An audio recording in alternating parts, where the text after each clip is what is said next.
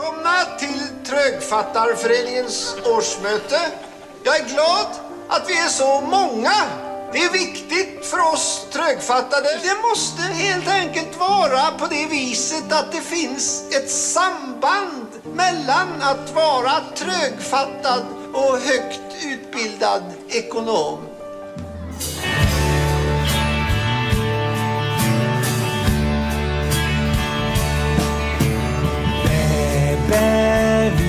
Pärlan har du någon ullirullirull?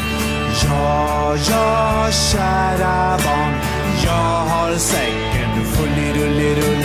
Hildas rock åt far, yeah! Och söndagskjol åt mor, yeah! Och två par strumpor åt lille, lillebror, yeah, yeah!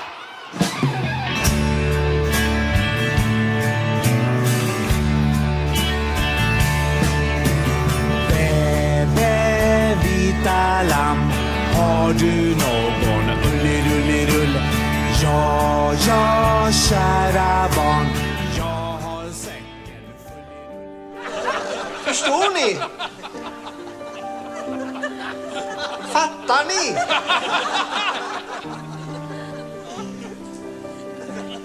Fattar ni, frågar jag.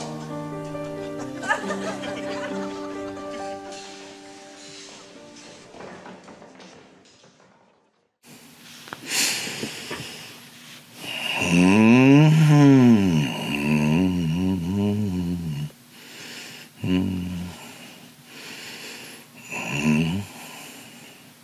Kära vänner.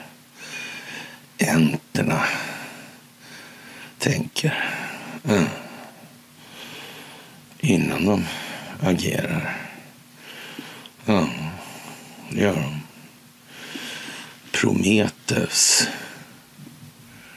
Epimetheus. Aeschylus. Mm. Kaukasus. Mm. Jag vet inte.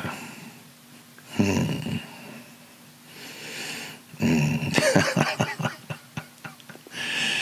ja, vad är det? Hmm. Det är onsdag. Det är piglördag. Mm. Det är den eh, 29 mars 2023. Mm. Det är, eh, finns lite att prata om, det är lite dramatik kanske. Eh, mm. Korstabulering. Jag vet inte. Som sagt, piglördag. Det är dags för ett onsdagsmys. Ja, det är många som är stressade. Filip och Fredrik är stressade. De börjar tala om att de har ljugit i tv-apparaten. Oj, oj, oj, oj. De är stressade. Trollen är stressade. Den djupa staten är stressad. Mm. Den djupa statens paladiner är stressade. Ja. Det runda bordet är borta. Det är bara stolarna kvar. Ja, de går runt, runt stolarna. Ja. Snart slutar musiken att spela. Ja, jag vet inte. Det är som en bisarr lek, en paradox. På något märkligt vis. Och här sitter jag och hummar dessutom. Det blir som en provokation på något vis.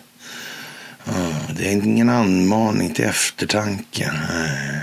Det finns ingen mening med det där hummandet egentligen. Utan jag kan ta och läsa allt rakt av som en innehållsförteckning på ett mjölkpaket. Mm, inte mana till eftertanke i given riktning av någon form. Ja, vad handlar det om, tror jag. Kanske. Eller gör jag inte det? Mm. Folkbildning kanske. Ja, ett folkbildningsprojekt kanske det kan handla om. Ja, det kan handla om en stingoperation också. Mm. Det kan ha pågått någonting länge. Länge, länge. Det är märkligt. Mycket, mycket märkligt. Hur det kan bli egentligen. Mm. Hur det kan bli. Ja, ni ska ha det största av tack. Verkligen det allra, allra största av tack för det ni gör. Att ni utgör den förändring som vi vill se i vår omvärld. Mm. Det är ju så. Det är ju så. Det största av tack för gåvor på Swish och på Patreon. Största av tack för att ni fördjupar er på karlnorberg.se. Och det största av tack att ni, för att ni hänger på Telegramtjänsten och att ni följer underpoddarna så märkligt nog. Är det inte konstigt? Liksom följer i dansen, i utvecklingen i omvärlden så belyser underpoddarna en massa missförhållanden. Mm. Lite olika metodval. Mm. Det kan behövas kanske. Man kanske måste förhålla sig till vissa problemställningar på olika sätt. Man kanske inte kan ha en lösning på alla problem, typ som en eh, hammare. Ja, då blir alla problem en spik då. Jag vet inte. Jag har ingen aning. Jag hummar lite där och kanske uppmuntrar någon till att tänka lite i lite andra banor. Tänka, menar han någonting egentligen med det där hummandet? Eller sitter han bara och gissar? Oh, skriv rakt, skriv kort, skriv enkelt. Tänk rakt. Tänk kort, tänk enkelt. För ord kan påverka tankar. Kan det ha varit något som någon har tänkt på? Man vet ju inte riktigt. Man kan vara lite osäker på det där. Och då blir det en annan dimension på hela problemen. Man måste liksom angripa det lite annorlunda. Ja, vi kommer tillbaka till det. Och det händer en massa saker. Mm. Det verkar som att Mastercard och Visa har stängt ner sina tjänster i Ryssland. Och Det innebär att du inte kan använda Handelsbankens kort i Ryssland längre. Mm, tar ditt företag betalt med kort, då kan eh, ni inte längre acceptera kort utgivna i Ryssland. Det verkar jättekonstigt. Vad är det för någonting? Uh, har det någonting med det valutafinansiella systemet att göra? Finns det något rus Swift inblandat i det här tro? Jag vet inte. Mm. Kan det ha att göra med att eh, västerländska valutafinansiella systemet är så in i helvete överskuldsatt, alltså, ja, eller skuldmättat. Mättat på skuld, alltså. Ja, det principiella värdet på betalningsmedlet. Enskilt kontrollerad räntebelastad skuld. Det har jag sagt någon gång sådär, eller har vi inte det? Mm. Sen kan man ju tycka att hummarna ibland blir lite väl retoriska. Det kan jag ju hålla med om. Men samtidigt är det så här, alla ska med. Så det kan inte bli för... Det måste lämnas lucka i tid så tanken hinner komma i ögonblicket. För den kommer aldrig någon annan gång. Uh, fyller jag på med något annat då, na, då är det glömt. Och, och vet ni vad? Det som ni ska ha det allra största av tack för det är att ni har förstått det, för annars hade ni inte suttit här hela tiden. Från början var mysen tre minuter långa. Mm. Koncentrationsspannet var inte så, så här jättestort alltså. Nej. Man skulle få in en massa saker och det var inte liksom ens dags att, att, eh, så att säga, adressera det här med dynamiken i tanken i det läget. Nej, det var inte det. Det var inte så mycket att stå på helt enkelt. Man stod på en eh, nageln på en lilltå på ett, jag vet inte vad, strömmande vatten någonstans långt borta. Mm. Undrar hur fan ska man orientera sig hemåt i det här? Till fast mark. Mm. Men nu har vi gjort det. Det gick bra. Fantastiskt. Vi kan börja summera upp det här. Mm, vi ser vad som ska hända. Kvittorna som haglar in. Ja, verifikaten. De är inte blygsamma. Det är helt enormt. Mm, inte småsaker, alltså. Eh, det valutafinansiella systemet, har vi sagt något om det kanske? Ja, det har vi nog gjort, ja. Ja, det har vi. Mm. Undligt, ja. Ja, korten ja, i Ryssland. Ja, där ser man. EU. Mm. Eh. Nato. Mm. Det gamla CIA-projektet EU. Bröderna Dall. Krafterna som har motverkat den djupa staten. Mm. Det gick aldrig, aldrig ens nära i de försök som gjordes att bryta tillbaka det här. Inte ens nära. Det fanns aldrig någon annan väg att gå än den väg vi har gått nu de kanske senaste 30 åren åtminstone. Det är bara så alltså. Man kan väl säga att eh, ja, Ronald Reagan får nog anses vara det sista försöket där planeringshorisonten låg uppenbart för nära helt enkelt. Det var inte tillräckligt långsiktigt. Inte på långa vägar alltså. Eh, det är inte utan att man undrar om det här med det valutafinansiella systemet var lite för okänt för militären på den tiden. Alltså. Jag ska inte säga att det är det, men eh, man får lite känslan av det i alla fall. Ja. Och sen har vi det där lite äldre projektet i Israel. Där, ja. Ja, det strategiska låset mot naturresursflöden. Fria naturresursflöden. Mm.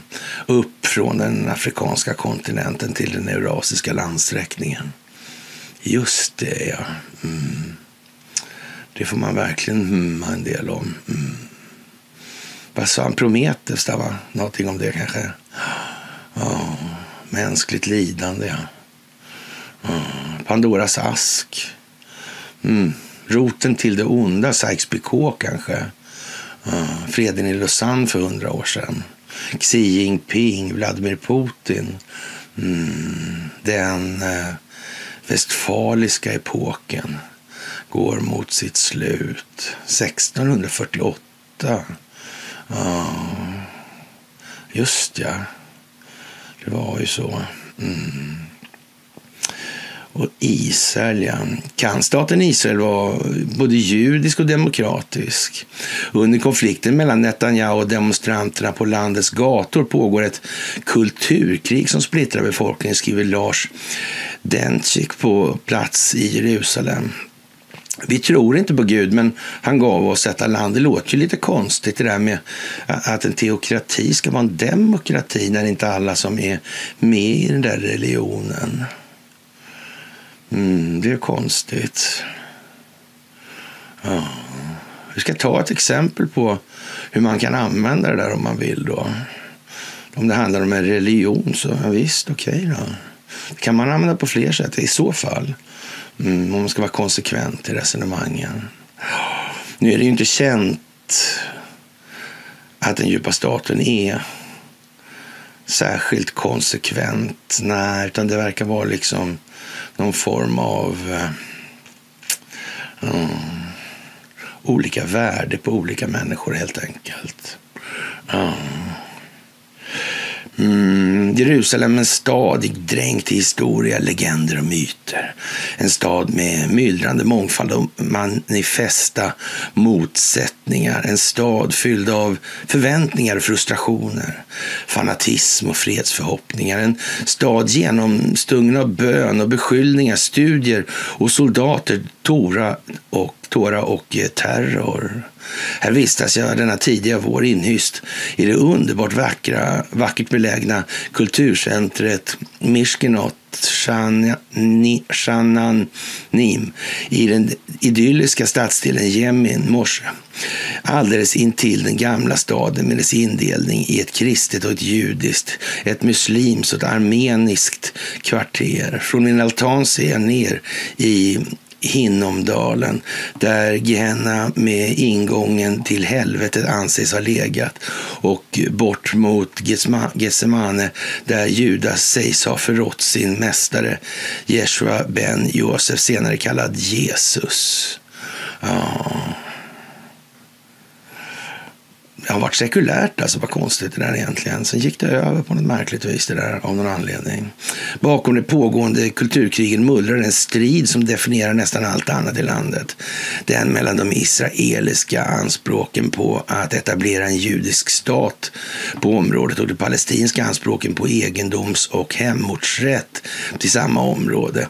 En motsättning som gång på gång på gång lett till en spiral av blodiga konfrontationer, hämndaktioner aktioner, ömsesidig terror, övervåld och dödande.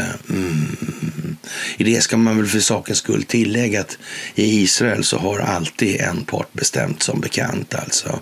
Det tar inte den här gliran med riktigt, men det lämnar vi därhän. Så här måste så att säga mer, fler, mer eller fler människor med på tåget helt enkelt. Sådär. Ja. Konstigt alltså. Ja det där är liksom mm, en motsättning som gång på gång lett till en spiral av blodiga konfrontationer, hämndaktioner, ömsesidig terror, övervåld och dödande. Vem är det som brukar uppmuntra sånt? Mm, det är ju det. Det verkar vara lite som Benjamin Netanyahu vet vad han pratar om i den meningen. Kan resten vara... Ja, någonting som görs med avseende på en målsättning att skapa optik, förståelse, bibringa vidd till perspektivet hos individerna. För det är bara då, genom individens utveckling, som samhället kan utvecklas. Vet ni vad? Konstigt nog alltså, så gäller det över hela världen. Det är ju konstigt. Ja, och sen kan jag sitta här och humma bäst jag vill, men jag tror ni fattar det faktiskt. Ja. Ja, men idag är det en annan, mer eh, statsintern fråga som tilldrar sig den största uppmärksamheten. Det gäller den sittande regeringens ambition att tillskriva sig oinskränkt makt över andra offentliga institutioner som domstolarnas och i synnerhet Högsta domstolens självförvaltning. Och även om Israels premiärminister Netanyahu igår presenterade att han pausar regeringens hårt kritiserade reform så möts det med misstro av hans kritiker och den grundläggande konflikten kvarstår. Mm. Ja, ja, det, det, är ju lite surt om man får, men som för den djupa staten, om man får en konflikt på, inbördeskonflikt på halsen som man inte kan hantera. Som kanske understöds av någon annan. Jag vet inte. Mm. Hade inte de sålt någon hamn där till kineserna förresten? Var det så? Mm. kan ju vara så. Mm. Kineserna kanske kände till något om den djupa staten. Det vet man ju inte riktigt. Mm. Hum. Mm. Kan det vara egentligen? Ja, jag vet inte det heller alltså. Ja. Det är ju konstigt. Alltså många demonstrationerna är sekulära judar i medel och pensionsåldern med europeiskt ursprung. Bosättarrörelsen och förespråkare för en israelisk annektering av Västbanken har länge närt ett hat mot Högsta domstolen därför att den med hänvisning till lagstiftning och mänskliga rättigheter blockerat de här grupperna då. och deras försök till ett att egenmäktigt skapa en ny verklighet på marken. Nu sitter företrädare för dessa grupper på regeringsmakten i landet. Samtidigt är uppskattningsvis en halv miljon av Israels drygt sex miljoner stora judiska befolkning eh, för elfte veckan i rad ute på gatorna på cirka hundra olika platser i landet. De protesterar mot den nytillträdda ultranationalistiska och religiöst extrema regeringens försök att med revolutionär raketfart söka genomföra en statskupp upp uppifrån. Busha, busha, busha, skam, skam, skam har det skallat i demonstrationstågen mot regeringens försök att driva igenom sin översyn av balansen mellan maktens institutioner. Mm. Allt fler från grupper man normalt sett inte ser bland demonstranter har anslutit sig till protesterna. Sju av landets nobelpristagare har publicerat en skarp protest. För detta chefer för underrättelsetjänsten har rest varnande invändningar. Reservofficerare i Försvarsmakten liksom elitpiloter i flygvapnet har vägrat att inställa sig till tjänstgöring. Den för landet eh, ekonomiskt betydelsefulla high-tech-industrin har hotat att flytta utomlands om regeringen inte annullerar eller åtminstone kraftigt modifierar planerna på att ta makten över rättssystemet. Det här med maktdelningsprinciper är kanske inte så populärt överallt, verkar det som. Konstigt att det inte är så. Att det inte är populärt, alltså. Eh. Mm. Ja, det är ju lite lustigt kanske nästan. Ja. ja. Jag älskar Högsta domstolens slagord under demonstrationerna. Samtidigt har olika regeringsföreträdare beskrivit demonstration, demonstranterna i allt mer eh, pejorativa termer som eh, vänsterister, anarkister och demokratifiender. Frågor om ockupationen av palestinska områden och allt vad eh, som den här medför då, av våld och diskriminering och terror har tills nyligen inte berörts i demonstrationerna på annat sätt än att man inlett en tyst minut för att minnas och hedra de israeler som i veckan fallit offer för palestinska terror terrorhandlingar i de ockuperade områdena. Mm, konstigt det där. Först efter att israeliska bosättare genomfört en pogrom i den palestinska byn Huara som hämnd för att två judiska bröder mördas av palestinska terrorister och ömsesidiga vedergällningsaktioner därefter fortsatt med skjutningar mot israeliska bilar på huvudvägen från Jeriko längs Döda havet har ockupationen av det palestinska området i någon mån fått uppmärksamhet i demonstrationerna.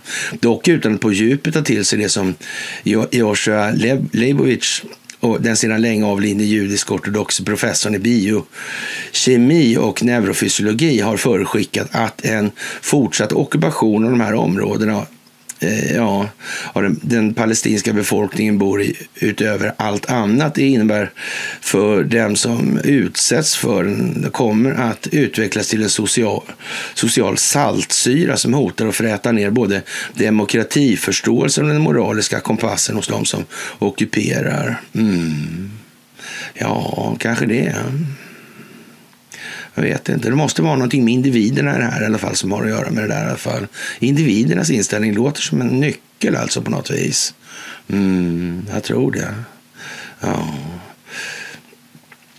Jag observerar att vi som har deltagit i demonstrationerna till största delen är stöpta ungefär som jag själv. Sekulära judar i medel och pensionsåldern med europeiskt ursprung, till synes urbana och välutbildade. Även många från de kringliggande kibbutzerna har deltagit. Men bland demonstranterna ser jag få som bär kippa trots att man annars ser många män med kippa på gatorna här.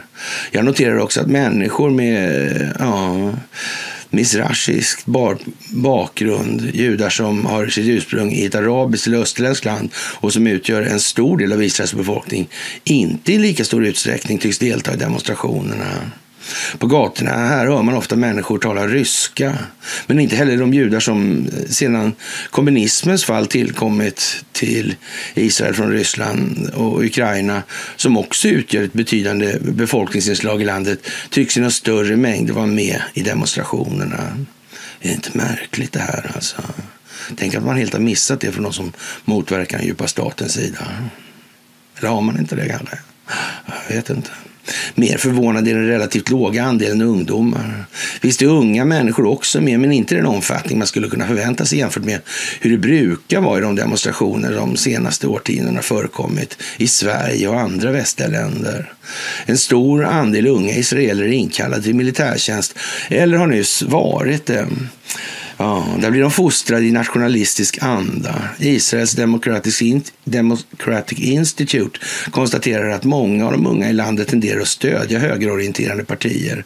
Till dem hör idag eh, de de extremnationalistiska och rent ut rasistiska partier som gick fram starkt i senaste valet och nu ingår i den sittande regeringen. Ja. Enligt eftervalsanalyserna ska ungefär en tredjedel av de inkallade i det senaste valet ha röstat på de två mest extremt na nationalchauvinistiska partierna som Otma Yehudit ja, judisk makt då, och lett av den nuvarande ministern för nationell säkerhet, Itamar Ben-Gvir, vars politik bygger på den ökände fascisten Rabbi Meir Kahanes idéer. Ben-Gvir är sedan tidigare dömd för uppvigling till rasism och stöd till terrorverksamhet. Det verkar, det verkar helt likt ju. Ja. Mm.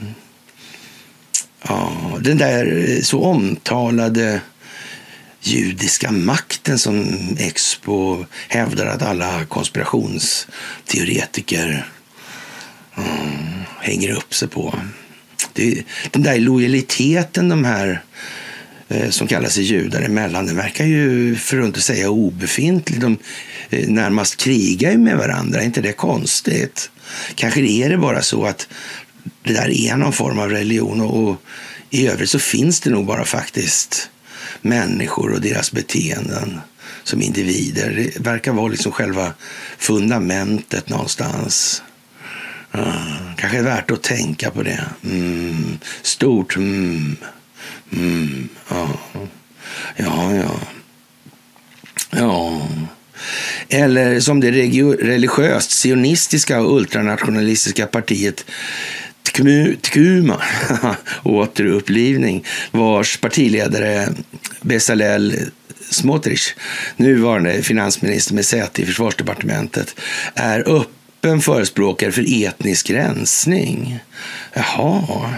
Han har senast gjort sig bemärkt genom att föreslå utradering av Huvara, det palestinska samhälle där israeliska bosättare nyligen genomförde en pogrom. Nyligen har Israels regering delegerat den exekutiva makten över Västbanken till denne Smotrich, som Eh, alltså i praktiken blir en slags guvernör med mandat att utvidga de judiska bosättningarna och förhindra palestiniernas, möj palestiniernas möjligheter att utveckla sina egna samhällen. Därmed eh, cementeras enligt tidningen Haaretz också formellt apartheid i de ockuperade områdena. Mm. Ja, vad vi har sagt om Israel i sin nuvarande form och tappning tror jag inte vi behöver utveckla just med avseende på den här artikeln i alla fall. Nej. På flera plan eh, genomströmmas det israeliska samhället i dessa dagar av en mycket snabb radikalisering, en hittills undertryckt ambition om etnisk rensning och annektering av Västbanken har nu sina öppna företrädare i regeringen. Likaledes ambitionen att låta Halakka judisk religiös lag gälla brett och generellt i hela det annars både religiöst och kulturellt mycket mångfacetterade israeliska samhället. Det politiska maktskiftet eller parlamentsvalet i november förra året, bara runt 30 000 röster skilde de två koalitionsblocken åt, har gett de extremistiska nationalister och religiösa fundamentalisterna som tidigare hållits sig utanför exekutiv makt, den exekutiva makten är ett gyllene tillfälle att på kort tid genomföra eh, såväl en territoriell utveckling som en teokratisering av Israel. Vägen till det går genom snabba och knappa majoritetsbeslut i Israels parlament, Knesset, vilket eroderar självständiga men inte grundlagsskyddade Israel. Ja, Israel saknar en skriven grundlag. Mm, tänk vad konstigt. Det är ju märkligt. Institutioner som domstolsväsende uppbyggda under landets 75-åriga historia. Ja, det är den, ja, jag vet inte inte den som, den som har makten stiftar väl lagarna i alla fall. Mm. Vilket säger om vilka som, någonting om vilka som har makten då. Kanske. För pengar är de beroende av tror jag. Mm. Det tror jag. Ja. Parallellt med de politiska förskjutningarna sker också en inventering av det politiska språket, orden alltså. En, ett slags orwellskt nyspråk bryter igenom. Ja, Att himla med ögonen, sucka, göra gester och sådär. Är, är liksom... Känner vi igen det här på något vis? Metoden, modus operandi, var kommer det ifrån? Ja, det måste vara eh, de judiska rymdödlornas konspirationer kommer ifrån. De som inspirerade Axel Oxenstierna där. Stormaktstiden, Stockholmsbyråkratin. Mm. Och kanske ännu längre bak i tiden kanske. Ja. Konstantin, Athanasius, Konstantinopel. Ja. Vad hette han, Mehmet den andre? Va? Mm. Handelsvägarna. Ja, strategiska förträngningar. Kan det vara någonting? You never know, you know. Alltså, ja. Konstigt alltså. Mm. Politiskt nyspråk alltså. Ja. Ja, nyligen jämställde till exempel premiärminister Netanyahu i ett tal de som deltar i demonstrationerna med de som medverkade i pogromen mot den palestinska byn Huvara. Det blir allt mer tydligt hur två helt olika demokratiuppfattningar stöter emot varandra. Ja, det här med demokrati, vad är det för någon? Är det någon som har sett röken av någon sån som ja, man beskriver att demokrati är då, som begreppet innebär? Är det någon som har sett någon sån någonstans någon gång? I någon mån kanske i USA vid något jävla enstaka tillfälle vid Andrew Jackson eller ja, precis när frihetskriget började, men inte två minuter efter. Alltså. Eh, jag vet inte. Det är lite udda det där faktiskt. Ja. Det blir allt mer tydligt alltså. Att det finns olika uppfattningar om vad som är demokrati här. Ja, det verkar ju konstigt. Och då kommer Marcus Oskarsson på att svenskarna kan tänka sig att ta paus med demokratin. Mm. Samtidigt, jag vet inte. Mycket märkligt alltså. Ja. Å ena sidan demonstranternas önskan om ett balanserat system som innebär maktdelning mellan olika samhällsinstitutioner emellan. Ett sådant system ligger begränsningarna på eh, en eh, tillfällig parlamentsmajoritets möjligheter att i ett slag lagstifta bort minoritetsskydd och mänskliga rättigheter.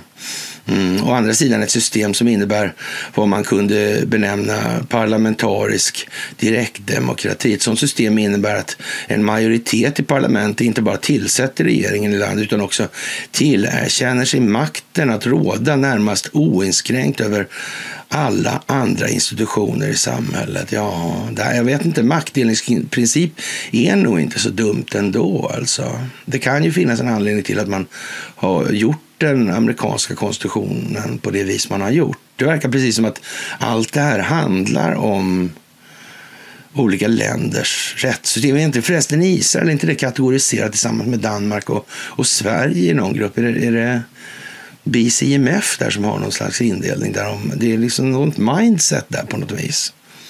Mm. Det verkar som det faktiskt. Det verkar som det alltså.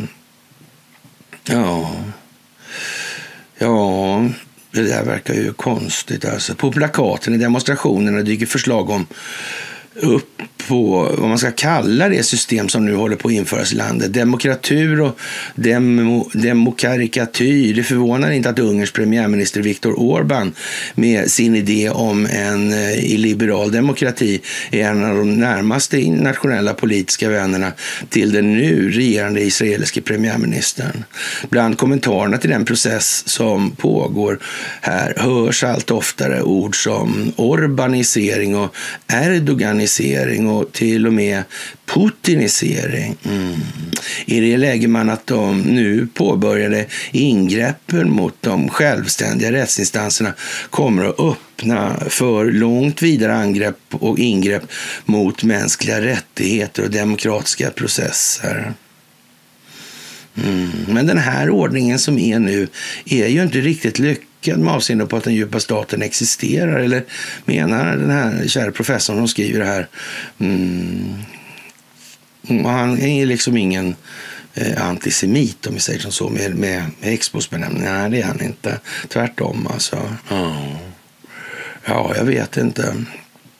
Vad får en demokratisk vald regering i ett land som brukar kallas i Mellanösterns enda demokrati att på detta sätt utsätta sig för sådant politiskt självskadebeteende? Ja, det kan man ju fråga sig. Man skulle kunna dra slutsatsen att det handlar om att samfällt och koordinerat motverka den djupa statens inflytande globalt alltså. Mm. Genom att koordinera sin motverkan nationellt internationellt. Alltså. Man ser till att man gör det man ska göra hemma för att mm, styra situationen internationellt. Ja. Påverka den i rätt riktning. Ja. ja, det är ju konstigt alltså. För att förstå ja, vad som sker behöver man tydliggöra några av de många sammanvävda och stora motsättningar som utöver konflikten mellan judiska israeler och palestinier i de ockuperade områdena genomsyrar och har förstärkts i det kines kinesiska eller israeliska samhället. Primärt är det ett sedan länge slumrande uppror mot den tidigare hegemoniska askenasiska judar med sitt ursprung i Europa. Alltså, ja, samhällseliten. Dessa ofta socialdemokratiskt liberalt och sekulärt orienterade samhällsskick har från statens grundare med viss arrogans mot de utomeuropeiska grupperna lägre utvecklingsnivå. Ja, det är, redan där gör man skillnad på, både om man ska vara så säga, lojal mot. Alltså, de har styrt landet så. Rent demografiska processer bidrar till revoltens framgång. De ortodoxa och i synnerhet de ultraortodoxa grupperna får mångdubbelt fler barn per familj än de sekulära. Till det kan läggas ett uppdämt eh, resentiment gentemot den europeiska ashkenaziska elitens självbelåtna sekularitet sekularism um, hos de ofta mindre välbeställda och traditionalistiskt orienterade misrashiska grupperna. Alltså, stora delar av de grupper som känner sig mest marginaliserade av den moderna samhällsutvecklingen stöder, liksom i många andra länder, de mest eh, nationalistiska och högerorienterade krafterna i samhället. Den israeliska extremhögerns framgångar har på så vis delvis samma grund som Trumps i USA har och Brexit-anhängarna i Storbritannien och Sverigedemokraterna mm, i Sverige. De är verkligen mot globalismen. Verkligen. Mm. Det är de ju alltså. Yeah. Bara så vi vet det. Alltså. Situationen i Israel förstärks av att inkomst och förmögenhetsskillnaderna numera är ännu större. Här i de flesta västerländska länder. I dagens Israel har det lett till upproret från periferin. Den, mot den liberala och sekulära elitens kulturella och sociala dominans har nu nått framgång i parlamentet. Trots rekryteringen från samhällets mindre bemedlade periferi är det inte social utjämning utan snarare kulturkrig som står på dagordningen. Med det, följ, med det följer tilltagande anspråk bland de som nu vunnit makten i landet att den judiska religionens regler i högre grad ska genomsyra samhället. Mm. Till det kan läggas en annan tendens. Också den, en antites mot den gamla elitens universalistiska värdegrund, den växlande nationalchauvinismen. Resultatet är expansiv religiös sionism.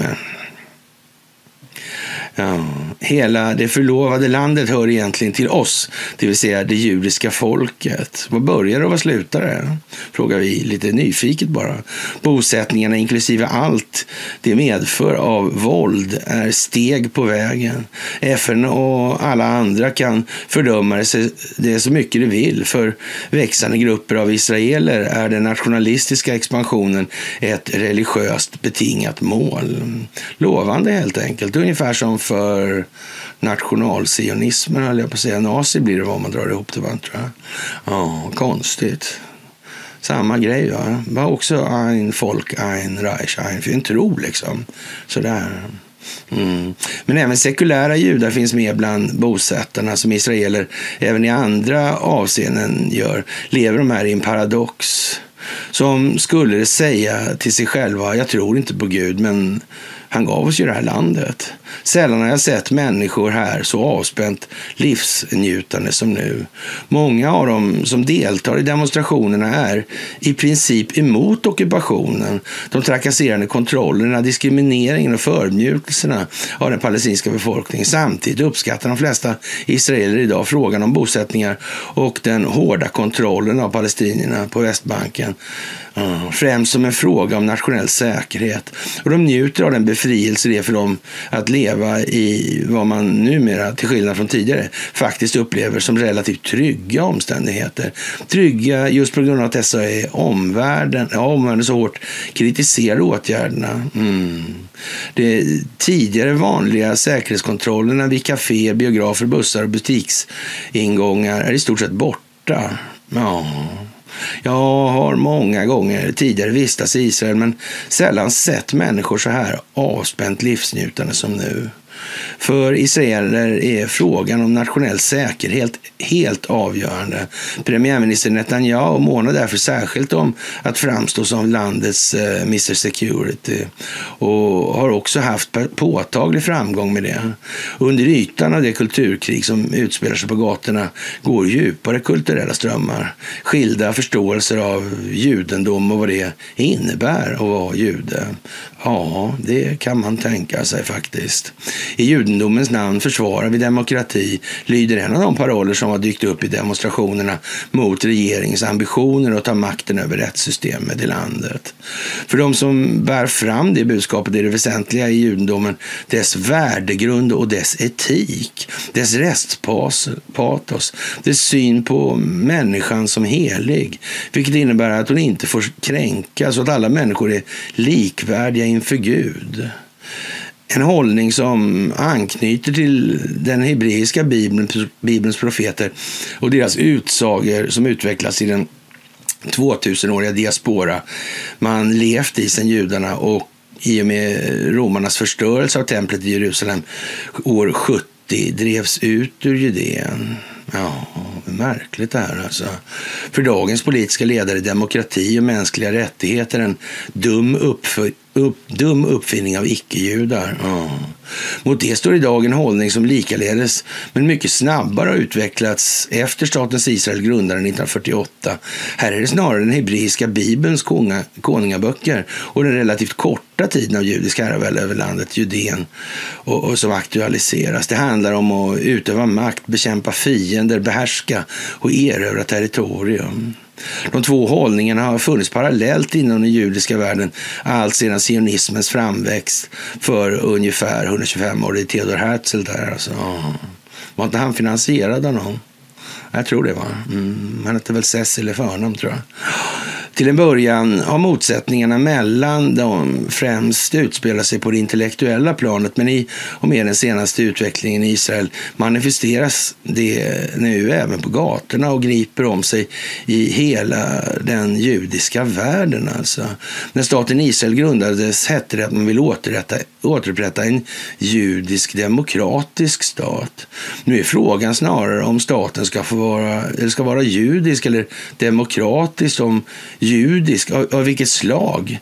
För de politiska ledarna som idag anför utvecklingen i den riktningen, skriver sociologen Eva Ilius i Haaretz, är demokrati och mänskliga rättigheter en dum uppfinning av eh, icke-judar. Mm. Ja, Lars Dencik heter han där som har skrivit det där. Ja, senior professor i socialpsykologi och medgrundare av judisk kultur i Sverige. Han har två, gånger, två omgångar varit gästprofessor vid Hebreiska universitetet i Jerusalem. Mm. Vad kan det bli av det här? Kan vi få rätt i det här, tro? Kan nog bli så. Mm. Det är nog inte okej okay att behandla folk så där som Mm. Det får vi aldrig glömma. Inte sant? Ja, tänka alltså. sig.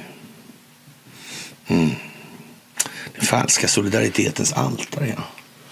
ja. Det är konstigt. Det är konstigt. Han måste humma mycket nu. Alltså känna... Mm, mm, mm, mm. ja, sådär. Ja, ja. Det här med plånboken och... Ja. Rekordmånga anser att Sverige går åt fel håll just nu. Ja. Har det någonting med det här att göra, tror jag? Som jag pratade om tidigare. Det är lite samma tema hela tiden. Kan det vara så att det handlar om den djupa staten? Det finns ju inte den i Sverige. Mm. Den är Sverige. Ja. Så kan man ju säga. Mm. Så den kanske finns i Sverige ändå. Då. Ja. Länsstyrelsen i Kalmar har evakuerats. Misstänkt föremål. Det verkar som myndigheterna på något vis har problem. Gör det inte det? Mm. Det gör ju det. Men vi har ju en NATO-anslutningslag. Eller vad man ska kalla det för. Ja, ja. Politikerna i alla fall fattar beslut om att de får ta hjälp av mm, just det, med vissa förvaltningsuppgifter. Hm. Vad konstigt. Hm. Ja.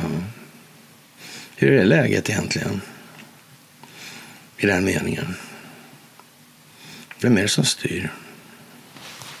Vad? Mm. Ja, jag vet inte riktigt. Men det är svårt att se det här på något annat vis än att det är nog lite planerat. Ja, det är det nog faktiskt. Alltså. Mm. Ja, det måste vara ryssen som hotar länsstyrelserna. Tror ni inte det? Jag tror det. Det är något sånt alltså. Jag känner på mig att det är det faktiskt. Ja. Det där är ju lite konstigt alltså att de alltid är så elaka mot Sverige. Ja.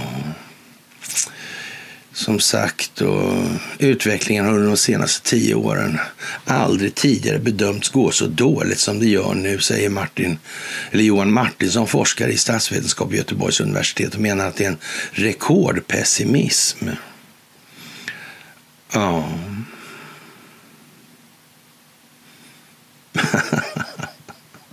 Allvarligt talat, känner vi rekordpessimism nu? Nå, sådär va. Inte riktigt. Nej, det gör jag inte nu. Mm. Rekordentusiasm kanske. Jag kan säga pessimismen för decennier sedan, det var, ja. Men ändå kanske inte så mycket pessimism, mer liksom att, men lite lakoniskt nästan kände jag då att jag, ja, det är bara att stå på liksom och göra liksom. Inte blänga så mycket på målet liksom. Man får väl göra det så man inte kommer ur kurs, men sen så får man väl... Ja. Det är lätt att tröttna om man tittar för mycket. Mm, man ser inte att man rör sig liksom. Nej. Det är ju så. Målet befinner sig långt, långt borta. Ja, man kanske aldrig når målet själv. Då får man vara glad att ha bidragit till utvecklingen på vägen helt enkelt. Mm. Inte minst av sig själv, om inte annat. Ja, den, den andel svenskar som anser att den personliga ekonomin försämras har heller aldrig ökat så mycket på ett år. 34 procent uppgav deras ekonomi försämras under de senaste 12 månaderna. Mm. Det var ju konstigt. Som, hur ska vi få svensken att reagera, tro? Var det någonting med pungspark? Penningpungspark var det, va? Just så var det. Mm. Det var ju det. Det verkar liksom... Det verkar ju väldigt, väldigt... Ja, samtidigt ligger stödet för EU rekordhögt i Sverige. Ja, ja, ja, det är bara 11 procent som är emot. Mm. Ja, tänk vad bra. Det blir fantastiskt. Ja, det blir fantastiskt. Ja, tokigt. Och om vi tänker oss på det här med religionen då. Så för länge, länge sedan då, eller något över ett decennium sedan, i alla fall 2010 ungefär, så, så var ju det här med, med FRA-lagen och såna här grejer igång. Och Piratpartiet var en företeelse som fanns då. Ja, de sålde sig sen i ledningen där, så det var inte mer med det. Eh, någon gjorde lite bra, Cecilia Bäckroth där som sålde ut rotel 41 på Stockholms tingsrätt. Där. Det var ju bra med Allan Kammitz och där. Thomas Boström och Claes Borgström och Agneta Blidberg och så vidare. Mm, det var ju bra gjort. Ja. Men eh, hon fick hoppa av det där sen då. Det var liksom inte riktigt populärt på alla håll då inom Piratpartiet. Nej. Ja, och det här med religionen i samhället. Och, och när blir någonting en religion och varför egentligen? Mm. Eh, kan politiserad religion då, som sionism till exempel, användas av syften då? Om man tänker sig då att Theodor Hälser skrev den där då med den, inför den här kongressen och sen så ja, men, finansierad av den värsta jävla kolonialväldesdåren i hela... Som dessutom finansierar uh, Gandhi där. Mm. Ja, det är ju konstigt alltså. Det är samma intressen bakom hela tiden. Uh. Hur som helst, eh, det missionerande Kopimistsamfundet är ett svenskt registrerat trossamfund som verkar för kopimism av engelskans kopimi. Eh, ja, samfundet hävdar att kopimism är, religiös, är en religion vars trossats är att kopiering och spridande av information betraktas som en helig handling, ett sakrament. Och det kan man väl i sak inte motsäga faktiskt. Och jag eh, la ju ner, jag vet inte, men mycket, mycket, mycket, mycket tid på att debattera för kopimismen i olika forum. Mycket tid alltså. Så. Mm. Och, och, så. Och eftersom jag gjorde det så kallade jag mig för missionerande pastor då i det här. Ja. Och ja. Det kan man tänka på. Samfundet grundades 10 år den 19-åriga filosofistudenten Isak Gerson som eh, är, eller var, det är tomt det där, nu används ju inte, som är samfundets missionsföreståndare och högsta andlig ledare. Eh, han var också aktiv inom Ung Pirat och samtidigt kassör i kristna studentrörelsen i Sverige KRISS och försökte kombinera de här ideologierna. Samtidigt som man gör anspråk på att vara en religion menar företrädare att kommunistsamfundet tror inte på gudar eller övernaturliga krafter. Nej, organisationen missionerar och säger sig erbjuda själavård. De har bland annat kontroll C och kontroll V som heliga symboler i den här yin och yang-figuren. Alltså. Mm och, och avsåg enligt styrelseordförande Gustav Nipe tidigare även förbundsordförande i Ung Pirat att utöva vigselrätt och söka statligt stöd. Mm. Men, men eh, det behöver man kanske inte ha. Nej, det behöver man inte ha. nej. Och eh, religionsfrihet tror jag är grundlagsskydd. Alltså vem som helst kan ju hävda att den är på kopimism. Eller kopimist. Mm, så är det också. Det går ju liksom inte att... Man får inte exkludera heller va? I, religions, eller i föreningsfrihetens namn. Nej, så är det. Mm. Det är ju mycket märkligt det där. Det är, mycket, det är lite grann som ledning uh, till upplysning. Mm. Och vidare ledning och upplysning kan man säga. Mm. Det är ju så. Och man kan ju ha sin bibel med sig i alla fall. Om man tycker det står bra saker i den. Alltså, Johannes evangeliet är väl minsann inte pjåkigt, det kan man väl inte påstå. Det är ju rätt så bra skrivet. Mm, I förhållande till verkligheten. Mm, det får man nog fan säga alltså. Ja. Det där är lite värt att tänka på nu kan man säga. Om man tittar i ljuset av hur det ser ut i Israel och det där chattret då.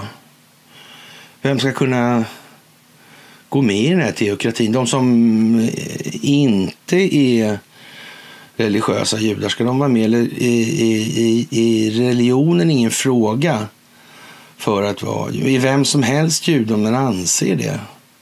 Sig, sig själv vara det. Hur fungerar det här egentligen? Mm. Vem avgör det? Är det någon eh, av samhället utsedd instans som bedömer det då, eller bestämmer det? Det här måste man tänka på. Mm.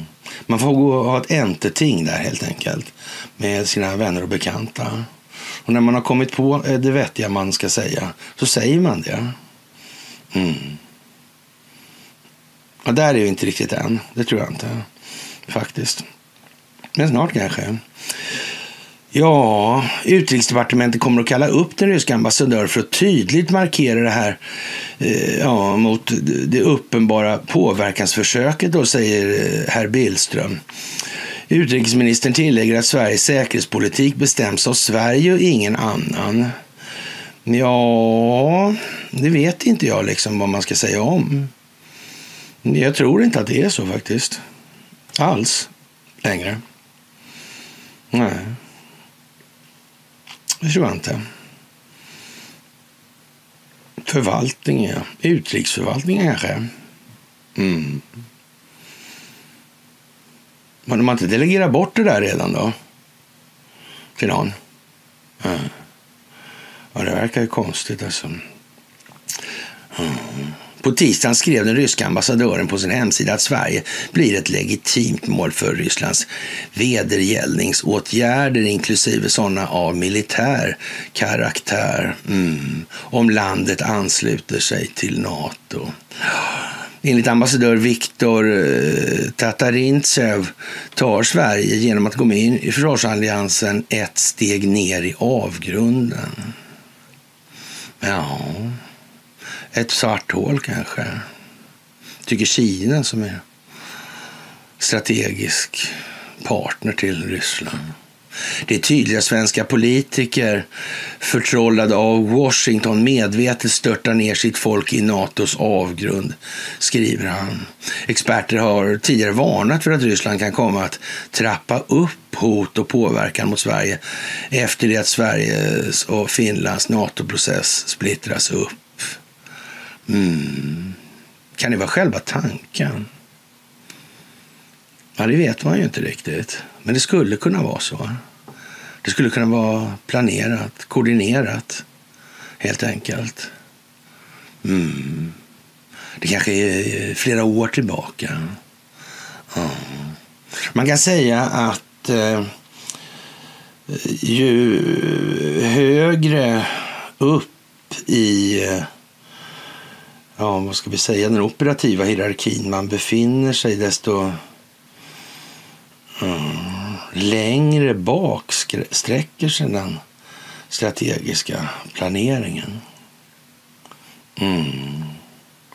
Och vi har väl antytt någon gång att det gick då liksom ännu mer öppet all in 16 där valet. Och, mm, ryskt, internationellt deltagande eller utrikespolitik förd värd namnet. Mm, 12 kanske. Mm. Iran kanske. Soleimanis besök i Kreml. Mm. Det är komiskt att det var Donald Trump som dödade honom snudd på. Komiskt. Mm. Jag har oerhört svårt att se att det där faktiskt hände på det sättet. Ja, det har jag faktiskt. Mm. Jag undrar om ens särskilt många i anknytning eller anslutning till Soleimani tror jag. heller. Nej. Då hade det nog hört av sig faktiskt. Lite mer, men det var inte meningen helt enkelt. Och den djupa staten finns som sagt i Iran. Mm, den snabbast växande religionen där. Mm. Konstigt. Mm. Så eh, det var ju någonting bra med shahen i alla fall. Ja. Mm. Reza Pahlavi. Ja.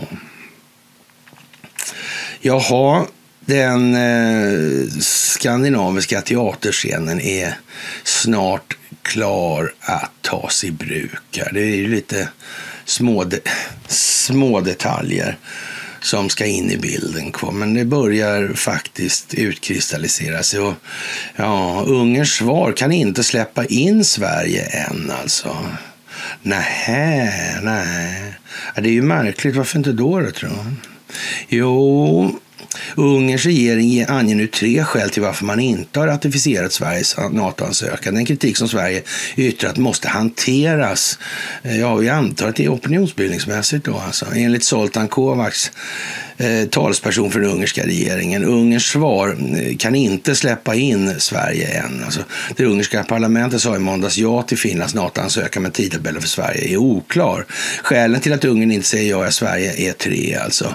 Enligt en längre text som nu publicerats på den ungerska regeringens engelskspråkiga hemsida.